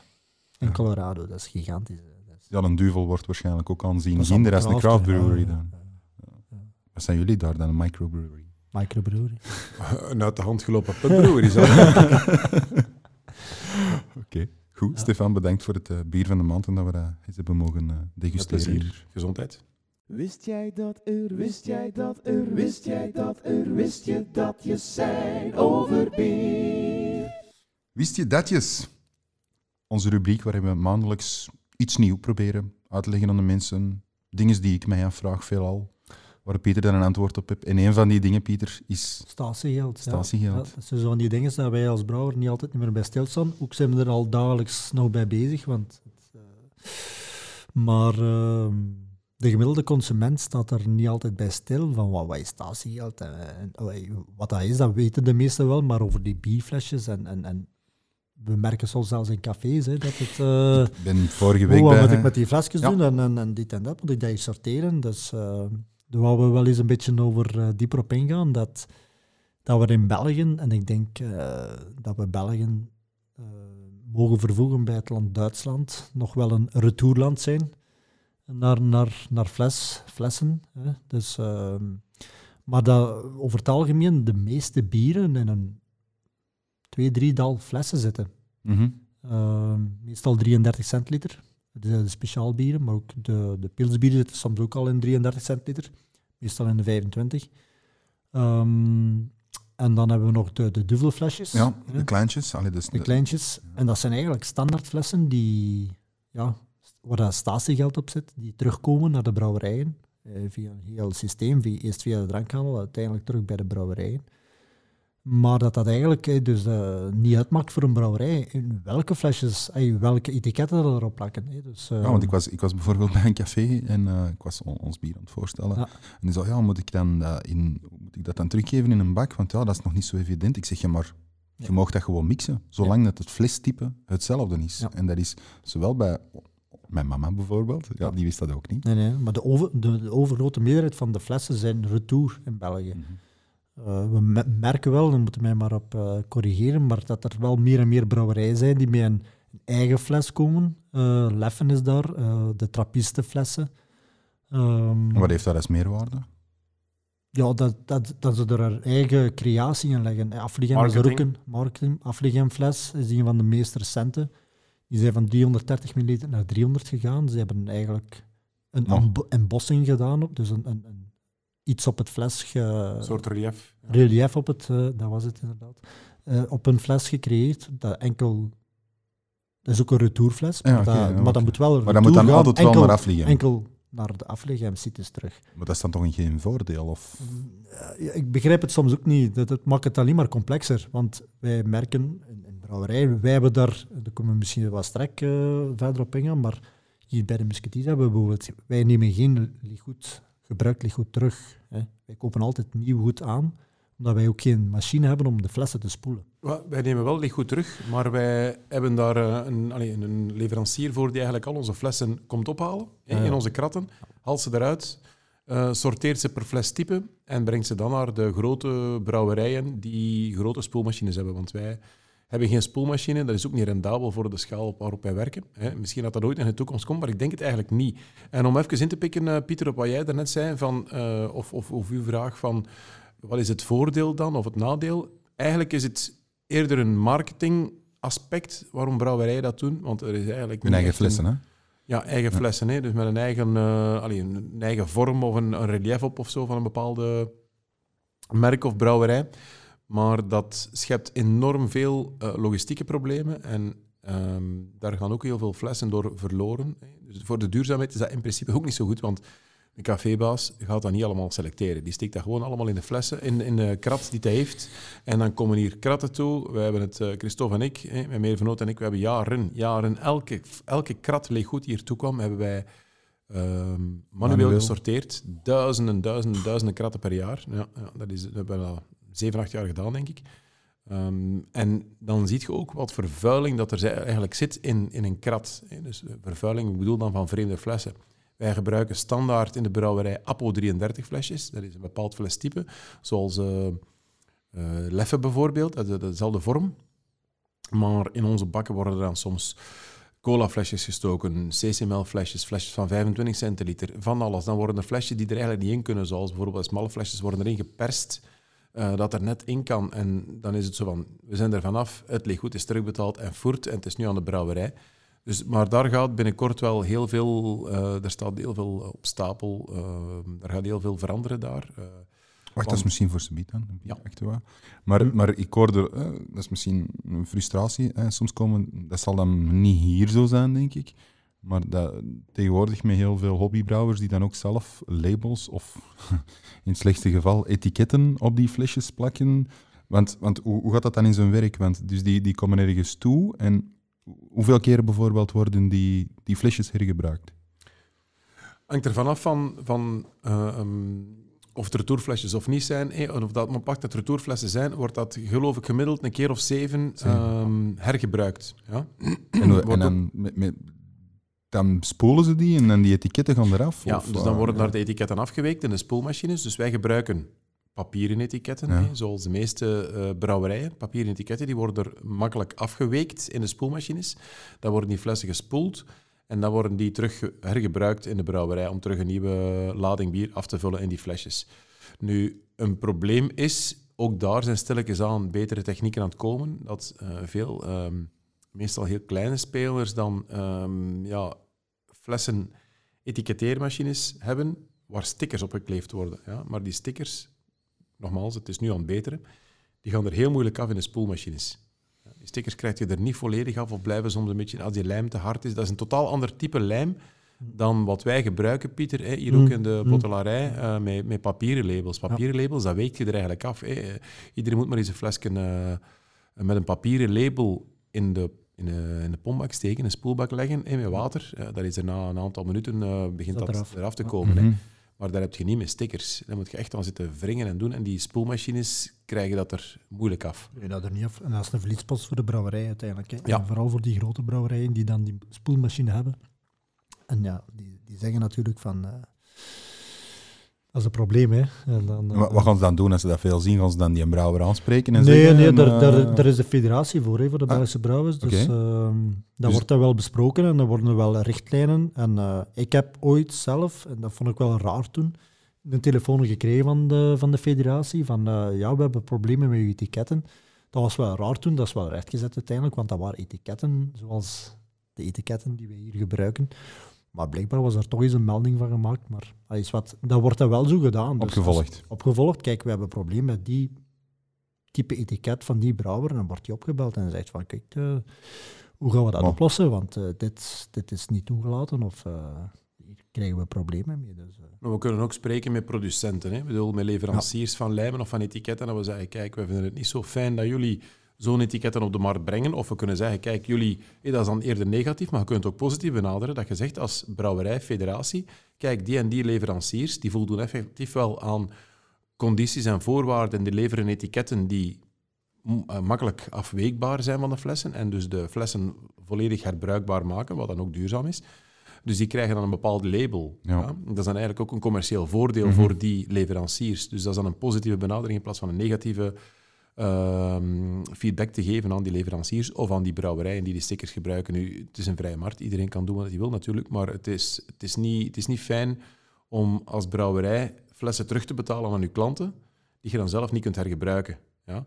En die brouwerijen die die stickers gebruiken, ja, die nemen die meestal niet terug. Die gebruiken wel standaard Apo 33 of Stiny-flesjes, de duvelflesjes, de leffenflesjes en zo. Maar als je daar dan stickers op doet, ja, het blijft wel die standaard fles. Dus je betaalt dan wel aan je drankenhandels of aan je klanten het statiegeld de waarborg terug.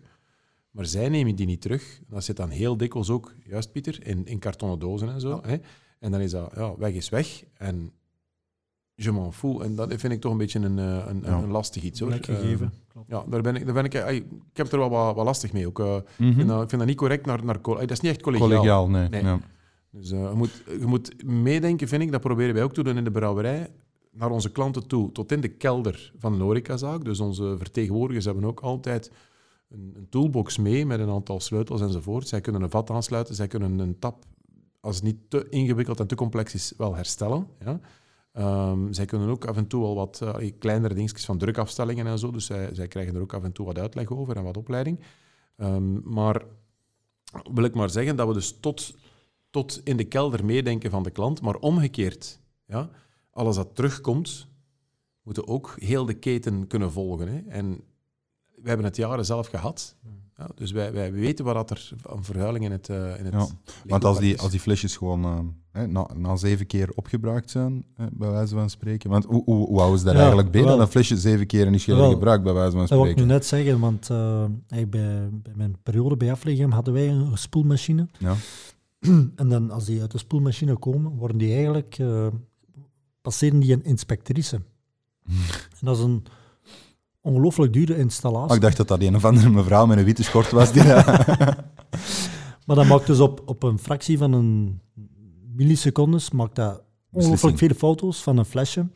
Eh, De, de mond van het flesje, waaruit de kronkruk op staat. eh, Of dat er, die kijkt of dat er beschadigd is. Ja. Die, die kijkt of dat er iets in zit in het flesje. Die kijkt eh, Een barst in het flesje. een barst eh, en, dan, ja. en dan worden die eruit gestoten. Die machine ziet inderdaad niet of dat die al eh, vijf keer gepasseerd is, maar dat kan ook goed zijn dat die twee keer passeert in de Afliggenbrouwerij, en dan is in elke Maasbrouwerij en uiteindelijk bij Omer passeert. Hè. Dus, geen enkele machine weet hoeveel, maar na een tijd dat flesje geraakt beschadigd. Krassen, ja, krassen, en ja. dan wordt dat er automatisch uitgestoten. En wat gebeurt er dan mee? Dan is dat gewoon kapot. Dat is En glas daar, eh, en dat gaat terug, eh, wordt opgehaald en dan eh, wordt dat terug gesmolten en dan wordt er terug opnieuw glas van gemaakt. Maar dat is enorm energievretend. En dat is ook weer de discussie waar we straks bij de bieractua bij gaan komen, van, of dat fles nog een ecologisch verpakkingsmateriaal kan zijn of moet zijn. eh. Voilà. Heel mooi bruggetje, denk ik, naar onze volgende rubriek. Bieractua.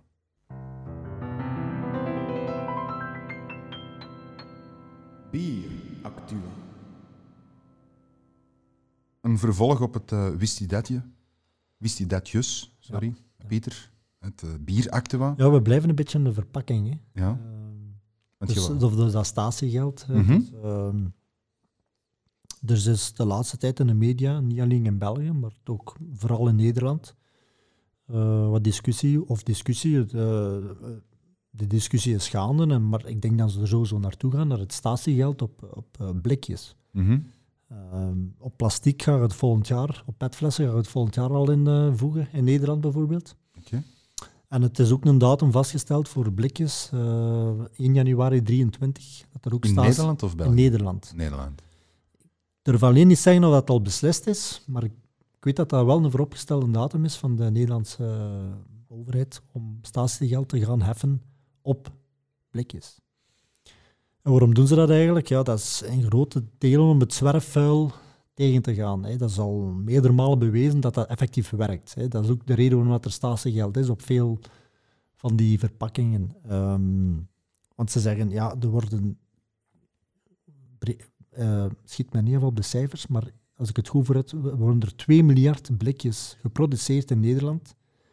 En meer dan 90, 95 procent wordt terug ingezameld via PMD en terug gerecycleerd. Dat is heel veel. Maar dat wil zeggen, 5% van 2 miljard is nog ongelooflijk veel blikjes die als zwerfvuil in de Mhm. natuur rondvliegen. En dat willen ze eigenlijk met het statiegeld, dat laatste stuk, eigenlijk daarmee wegkrijgen. Weet dat er in België daar ook over gesproken wordt. De, Groene Partij is daar natuurlijk voorstander van.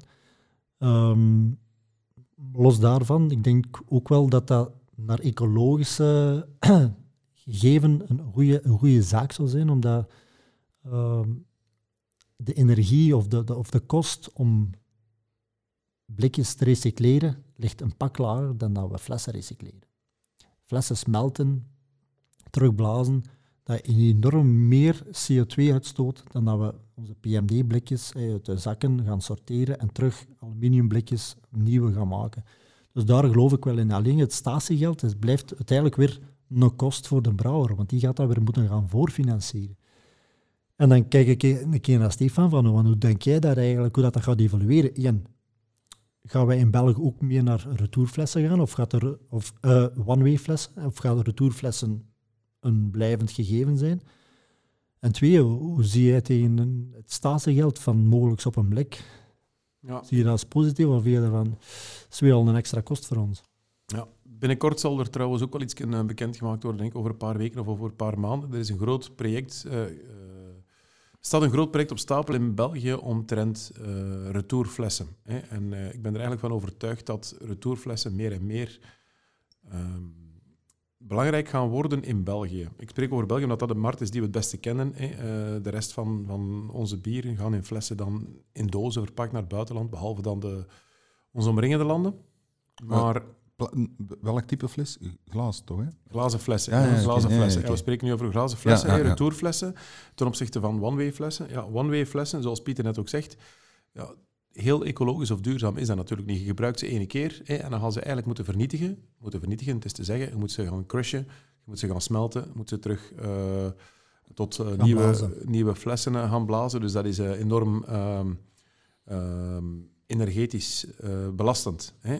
Met retourflessen, het enige dat je daar hebt is, eh, en dat is veel minder belastend natuurlijk, is je gaat ze spoelen, maar ook die spoelwaters enzovoort, die worden al enorm gerecupereerd tegenwoordig in brouwerijen. Ehm, dus als je flessen terugbrengt naar een brouwerij en je spoelt ze daar, is dat eigenlijk veel duurzamer dan one-way flessen. Dat is één punt. Nu, ik ben ook enorme voorstander van maar een aantal flessen te gebruiken en geen, eh, niet elke brouwerij zijn eigen bierfles natuurlijk, want op zich, wij gebruiken een bepaald flestype, Apo 33, hè, dus de, de, de leffe flesjes, om het zo te zeggen. Maar of dat die nu van ons komen of van brouwerij X, Y, Z, we don't care.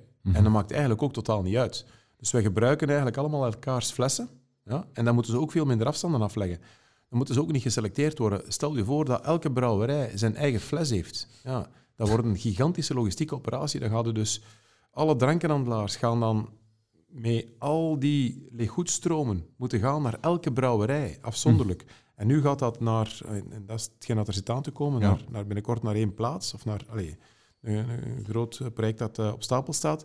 Die gaan dan naar één plaats. Dat wordt allemaal ehm, geselecteerd hè, per bierflestype, Apo 33, Steiny enzovoort. En ze gaan daar dan in de toekomst ook alle flessen wassen. En wij gaan dan daar de flessen terug kunnen afnemen alsof ze nieuw zijn. Ja, dus terug verpakt alsof nieuwe flessen. Ja? En dat is helemaal goed natuurlijk. Dat zal een speler zijn die daar op de markt gaat komen, die bij heel veel drankenhandelaars het goed ophaalt, naar één bepaald punt brengt. Die gaat die sorteren, die gaat die wassen en terugbrengen als nieuw. Dus de, de, de kratten komen uiteraard terug. Dat is allemaal brouwerijspecifiek. Maar dan komt eh, de fles ook nog eens gewassen terug. Dus dat dat dat is veel beter voor, voor de ecologie. Maar jullie zijn nu, nu, nu lid van de Federatie van de Belgische Brouwers. Hè? Waarom als federatie zeggen jullie dan niet gewoon, oké, vanaf nu zijn er maar drie die type flessen? Hè? Die kleine, de 33 en de 25 van de pils. En wilde je nog iets anders? Nee, sorry, dat kan niet. Ik begrijp die insteek natuurlijk, maar aan de andere kant, eh, we leven ook in een vrij land, in een, vrij, eh, in een vrije wereld. En iedereen moet wel die vrijheid behouden, denk ik. Ik vind dat ook wel belangrijk. Ik zou het wel liever hebben dat er Mhm. maar een paar flestypes zijn. Maar anderzijds moet iedereen wel ook de, de vrijheid laten, denk ik. Eh, en de markt zal zelf ook wel bepalen en zelfregulerend werken. Ik ben ervan overtuigd. Als we die duurzame aspecten kunnen uitspelen hè, en daarmee kunnen uitpakken. Kijk, wij, gebruiken, wij hergebruiken flessen tot zeven keer toe. Ja? dat, dat is wel iets waard. En de consument is ook meer en meer naar duurzaamheid en ecologie aan het kijken. Als je dan kijkt, een herbruikbare fles ten opzichte van een one-way fles, dat is een enorm verschil in ecologische voetafdruk. Hè. Waar, waar is de, meest eco- de beste ecologische, allee, de kleinste ecologische voetafdruk dan de flessen of de blikjes? Dat zijn de blikken, hè. Dat zijn inderdaad Ja. de blikken. En dat is ook weer een vraag van, ja, hoe... Er wordt wel nagedacht en ik, ik merk wel in de Nederland, Belgen- van, is, is één de horeca ervoor klaar? Is het twee de consument, Consument, ja, dat wou ik net Om- zeggen. zeggen ja. Want ecologisch gezien is blik veel beter. Hè, want het, eh, het, het, het weegt veel minder, één. Eh, het moet niet terug naar de brouwerij gebracht worden. Transport. Het moet niet terug gewassen worden. En de energetische kost of, of de, is 5% hoger om van een gerecycleerd blik een nieuw blik te maken ten opzichte van het gewoon maken vanuit de grondstof van een nieuw blik. Dat is maar 5%. Bij glazen zitten we aan 20, 30%. Mhm. Nog een van de belangrijkste aspecten, Pieter, daar rond blik ten opzichte van flessen, is de lucht. Hè. Neem maar eens een krat, 24 x 33, dat is bijna Ja.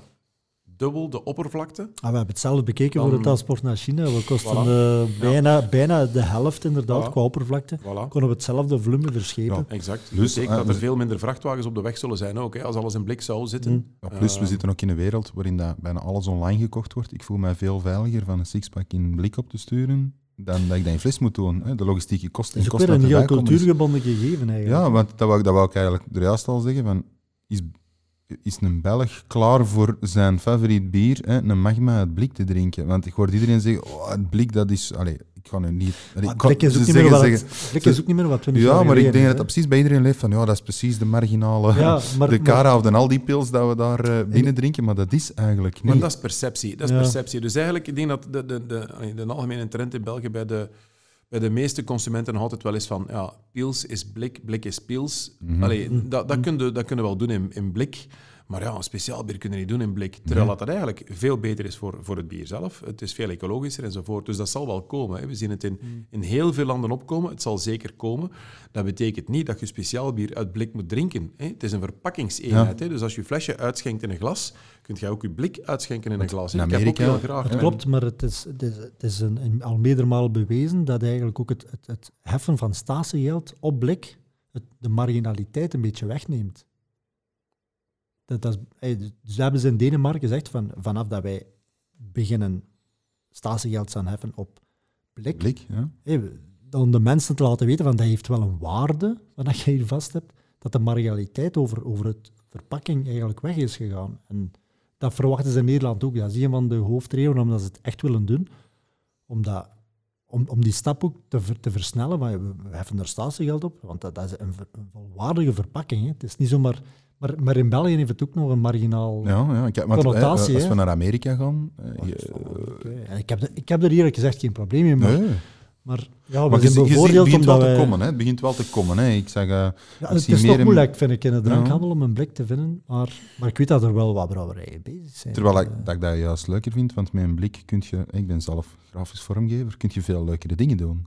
Absoluut, dat is zeker zo. En, en staat er zo'n project op stapel hoor, om eh, iets met blik te doen, eh, heel, heel in het kort zelfs. Ehm, maar dat is, dat is, dat is, het is nog een beetje, het is, het is nog heel prematuur, de markt. Het is echt eh, heel vroeg. Eh, maar er zijn wel een aantal grotere brouwerijen ehm, die toch wel aan het pionieren zijn daarmee. Hè. Chou is ook al op blik te krijgen. En Kasteelbier is op blik Ja. te krijgen. Ja, als je kasteelbier ziet er nu ja. veel, veel eh, passeren. Voilà, dus het, het, het is meer en meer aan het doordringen ook. Hè. Eh, en als er een aantal grotere biermerken dat gaan doen, dan gaat wel heel snel de perceptie eh wegdeemsteren, denk ik hoor. Eh, dat, is, dat is... Misschien moet Duvel dat gewoon lanceren en dan is iedereen mee. Duvel, in, duvel aan het blik. Ja, kijk, ja. Maar dat is de to- ja, maar ja, ja Zo, de, de toonaangevende... het blijft nog altijd zo, ja. alles wat dat Duvel doet, eh, is, per se, is, is in C goed. Hè. Dus eh, dood aan alle desperado's eh, van, de, in, van de wereld die de 25 centiliter one-way flesjes hebben. Het zijn 33 trouwens. Nee, dat is niet waar. eh, Desperados. ja, je kunt dat in eh, verschillende formaten krijgen. Ja, absoluut. Ja, ja. Ik weet- 75 ik- centiliter voor op restaurant. Of, hè? dat heb ik nog niet gezien. Ja, halve liters hebben die. Die hebben halve liter. Ja, half liters bleek dat ik al gezien. Ja, 3, 25 centiliter, 33. Maar dat zijn allemaal die witte flesjes, dat zijn one-ways veronderstel ik. hè. Dat zijn one-ways, ja. Maar dat is nu niet het type bier waar ik... Oh, oh, nee, we- nee, we nee, moeten nee, Dat is limonade, limonade. Eh, ja, oké. Oké, super. Ik, allee, ik vond het interessant. En ehm, naar al die politiekers die naar ons luisteren, hè, die honderden politiekers die naar ons luisteren, misschien, is er misschien ene die naar een bierkap luistert en misschien toch in België versneld kan oppikken. Ja, maar ik zeg niet dat dat rap, rap allemaal moet gaan. Het moet op een goede manier gebeuren. Mhm, Eh, mhm. het, het, Absoluut. is, het is een complexe, complexe materie, zeker in België. Het is een hele logistieke operatie ook. Ja. Eh, ja. Als je statiegeld gaat eh, heffen op blik, dan moeten er ook massaal veel blikcrushers zijn. Hè? Want blik dat is is, ook wel eh, volumineus, dat moet allemaal wel gecrushed worden.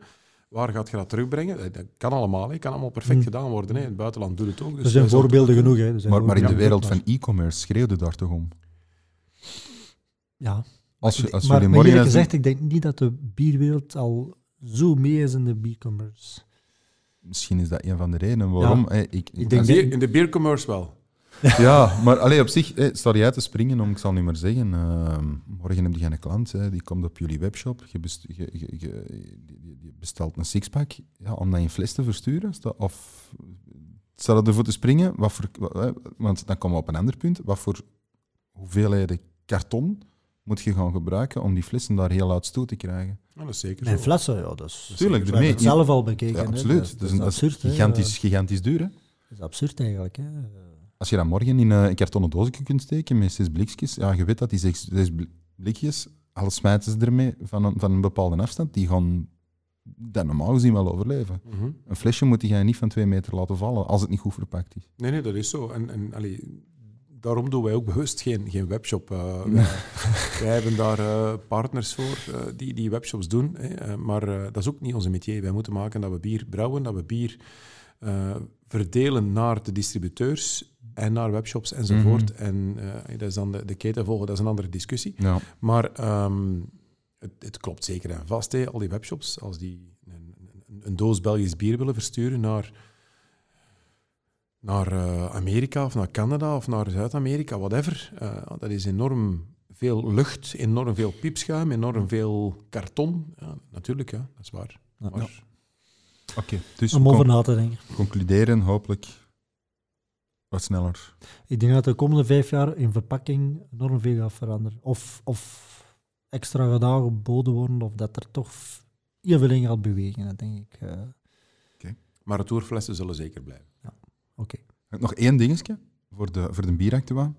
De, eh, de heropening van de horeca is druk geweest de laatste weken. Het is eh, onmenselijk druk geweest de voorbije twee, drie weken. Ehm, het is ook zo natuurlijk een, een totaal eh, begrijpelijk. Hè? Eh, heel veel horecazaken hebben een, een, allee, zaten bijna op nul stok, hebben ook verschillende producten geretourneerd aan de drankenhandels. De drankenhandelaars hebben ook al een leeg goed teruggebracht eh, tijdens de tweede lockdown en hebben ook bijna nul stok. Eh, bestellingen die binnenkomen dan, die zijn in het begin, de eerste dagen, de eerste week beperkt. Maar dan zien ze dat het toch wel serieus oppikt. En dan bestellen ze twee keer, soms drie keer. Ik heb wel bepaalde klanten die drie keer op een week besteld hebben. Eh, ze zien het nu wel oppikken natuurlijk. En dan krijg je weer eh, de lange weekends die een tegenvaller zijn omwille van het weer. Maar we merken nu... Wij kunnen eigenlijk nu op dit moment langs geen kant te volgen met alle mogelijke aanvragen. Dus eigenlijk zijn Het is- jullie blij dat het iets minder weer is, want hoe had het geweest dat het eh, stralende zon had geweest? Ja, maar ik heb er eh, momenteel even geen probleem mee om 24 op 7 te werken. Hoor. Eh, we hebben enorm afgezien, dus ik wil Ja. gerust nog een aantal maanden zo doortrekken. Dan zal ik wel slapen als ik 65 of 75 ben. Dus eh, Oké, goed. het is even zo. Dat is de spirit, hè. Dat is de spirit, ja. Ja. 24 op 7 werken. Ja, nee, we moeten ook tijd hebben voor een terrasje te doen natuurlijk. Eh, Of, of op, Of of een op podcast, klantenbezoek te eh, gaan. Of Of, een podcast, hè. Ja, of op klopt. podcast, ja. Voilà. Oké, correcties. Ja, dat is juist, ja. Ja, dat is juist. Ja. Je hebt het aan je been.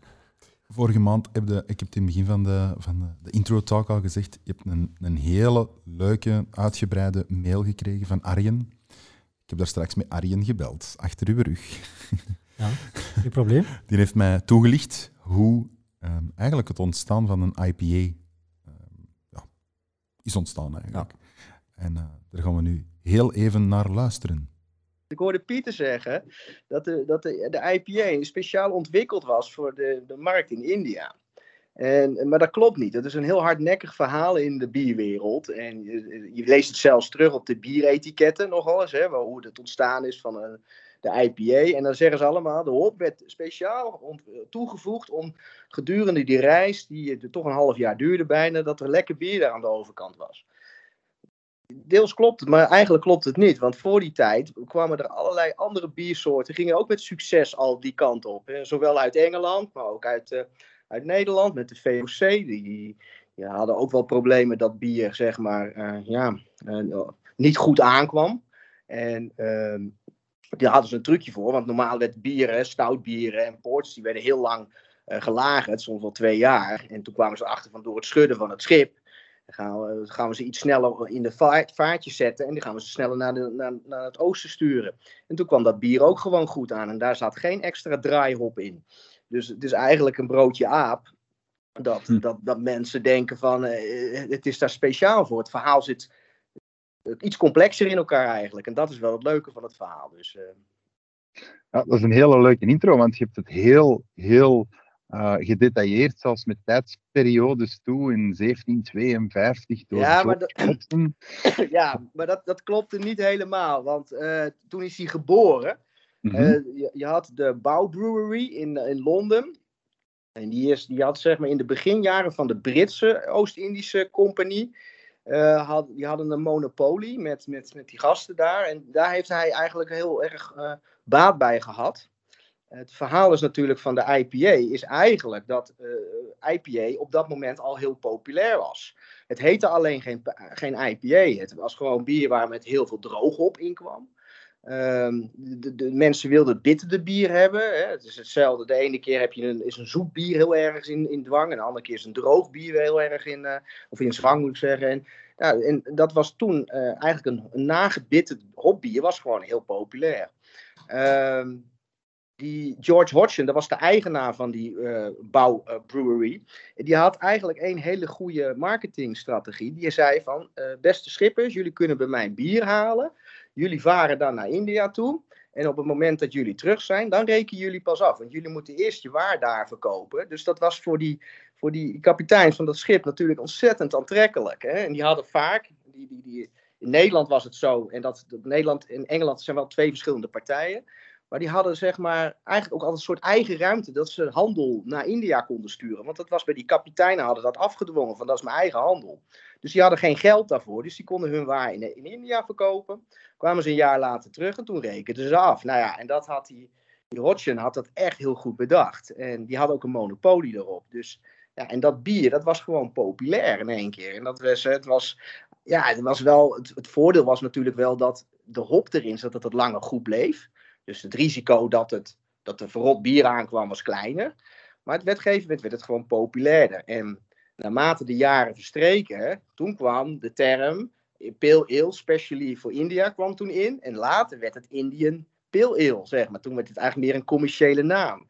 En de IPA zoals we hem nu drinken, is eigenlijk niet de IPA zoals, de, zoals ze uit de bouw, uh, brewery gingen. Want die ging failliet op een gegeven moment, want die verloor zijn monopolie. Mono, hoe noem je dat? Monopolie. Ja, monopolie, ja. Ja, en, en, en toen kwam Burton Upon Trent, zeg maar, kwam toen met de IPA. En dat kennen wij allemaal van de IPA's van nu.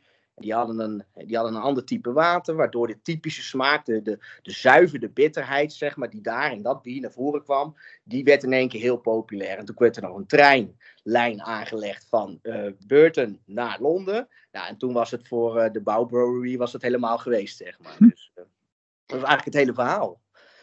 Super. Ik, uh, ik ben blij dat je me het mailtje gestuurd hebt. Ja. Uh, ik, zal, ik zal Pieter terecht terechtwijzen. Ja, hij moet, hij, moet, hij moet eigenlijk twee boeken lezen. Hij moet het boek van Mitch Steele lezen, IPA. Mm -hmm. Dat is een Engelstalig boek, maar daar wordt heel goed uitgelegd hoe die hele opbouw van de IPA kwam. En je hebt nog het boek, uh, dat is de verloren bieren van Nederland. Daar wordt ook ingegaan op het varen van bier naar het oosten toe. Voilà, dat was een hele uitgebreide uitleg, hè, Pieter? Ja, ik ben blij dat ik hem ken nu. Uh, ik vind het een hele mooie uitleg. Ik, ik, geloof ook wel dat het zo zal zijn. En uh, ik heb me al voorgenomen om de twee boeken ja, ik, ik heb ze die besteld. hij mij heeft aangeraden om die te lezen. Mitch Steele en het... Uh, ja, de verloren bieren van Nederland. Ja, verloren bieren van Nederland. Ja. ja. Dus we gaan een keer lezen. Hè. Ja, ik heb ze in een e-book Ik ben besteld. altijd heel blij om nog bij te leren. Dus, Bij deze zijn wij binnenkort volleerde IPA ontstaan kenners. of over de slijmmethode nog. Uh... zou, zou de slijm... Nee, die zouden niet in een IPA staan. Hè. Geen idee, geen idee, ja.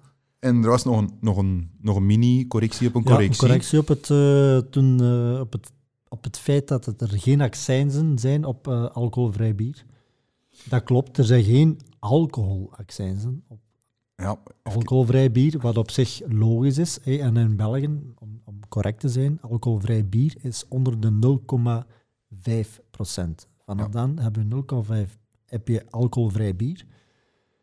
Je mag het bier 0,0 noemen als het effectief 0,0 is, hè, de Jupiler en dergelijke. Maar op die bieren die dus geen alcohol bevatten, is er nog wel een, een tax of een accijnse die gelijk is aan die van frisdranken. En ja. Ik denk niet dat het als een suikertax is, maar het is een bepaalde tax op... Ik had iets gelezen, en Uh, nu ga ik misschien een correctie aan mijn ja, krijgen, ja. van 8%. 8% zou het zou kloppen, want, uh, het zou kunnen Het kloppen. was, Dus het was er is- lager, maar het is Er verhoogd. wordt effectief in- op, op limonades ook een tax eh, Ja. gehe- gehoffen. ehm, Voilà, bij deze. maar het is geen alcoholtax. Nee, Eh, oké. dus, eh, leek, leek me evident dat er op alcoholvrij bier geen alcoholtax uh, Dan hebben we nog, eh, dan hebben we nog één ding. Ehm, vorige maand hadden we beloofd dat uh, Wouterij Dingemans een leuk t-shirt en een bierklaksje. Ja.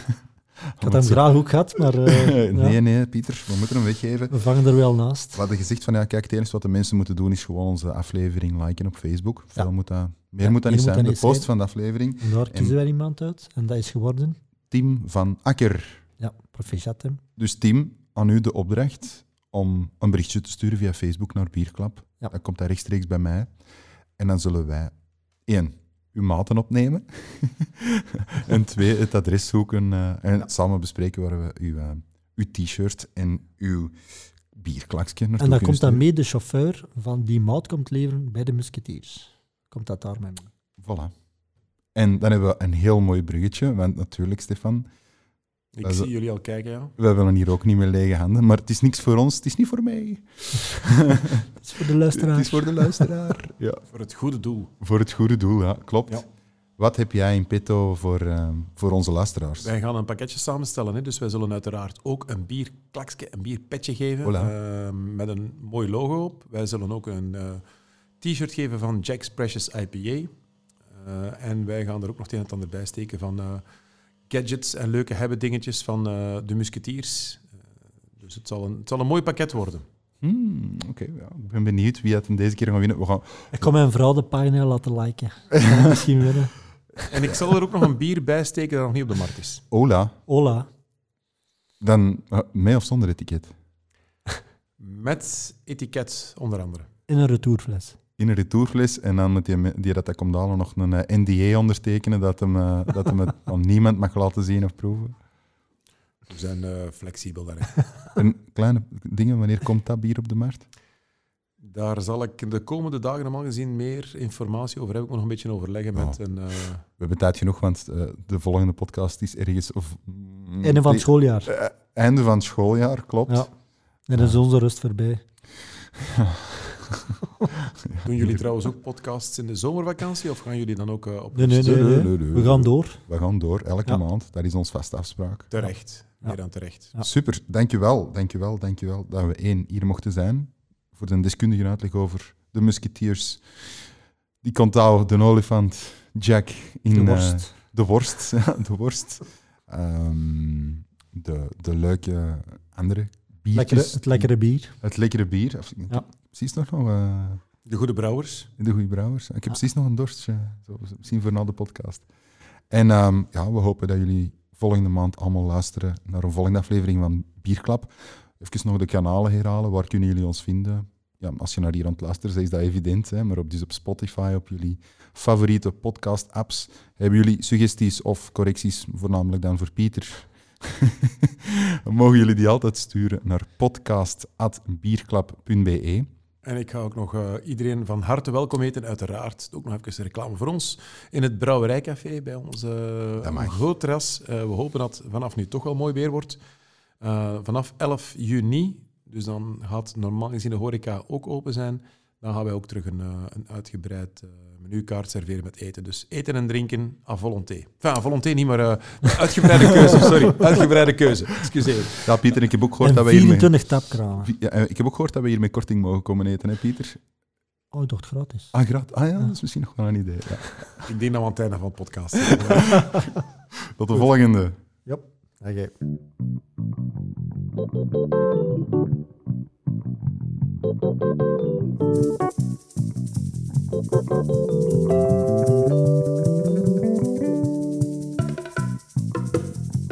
Bierklap. Bierklap. Ja. Bierklap. Bierklap.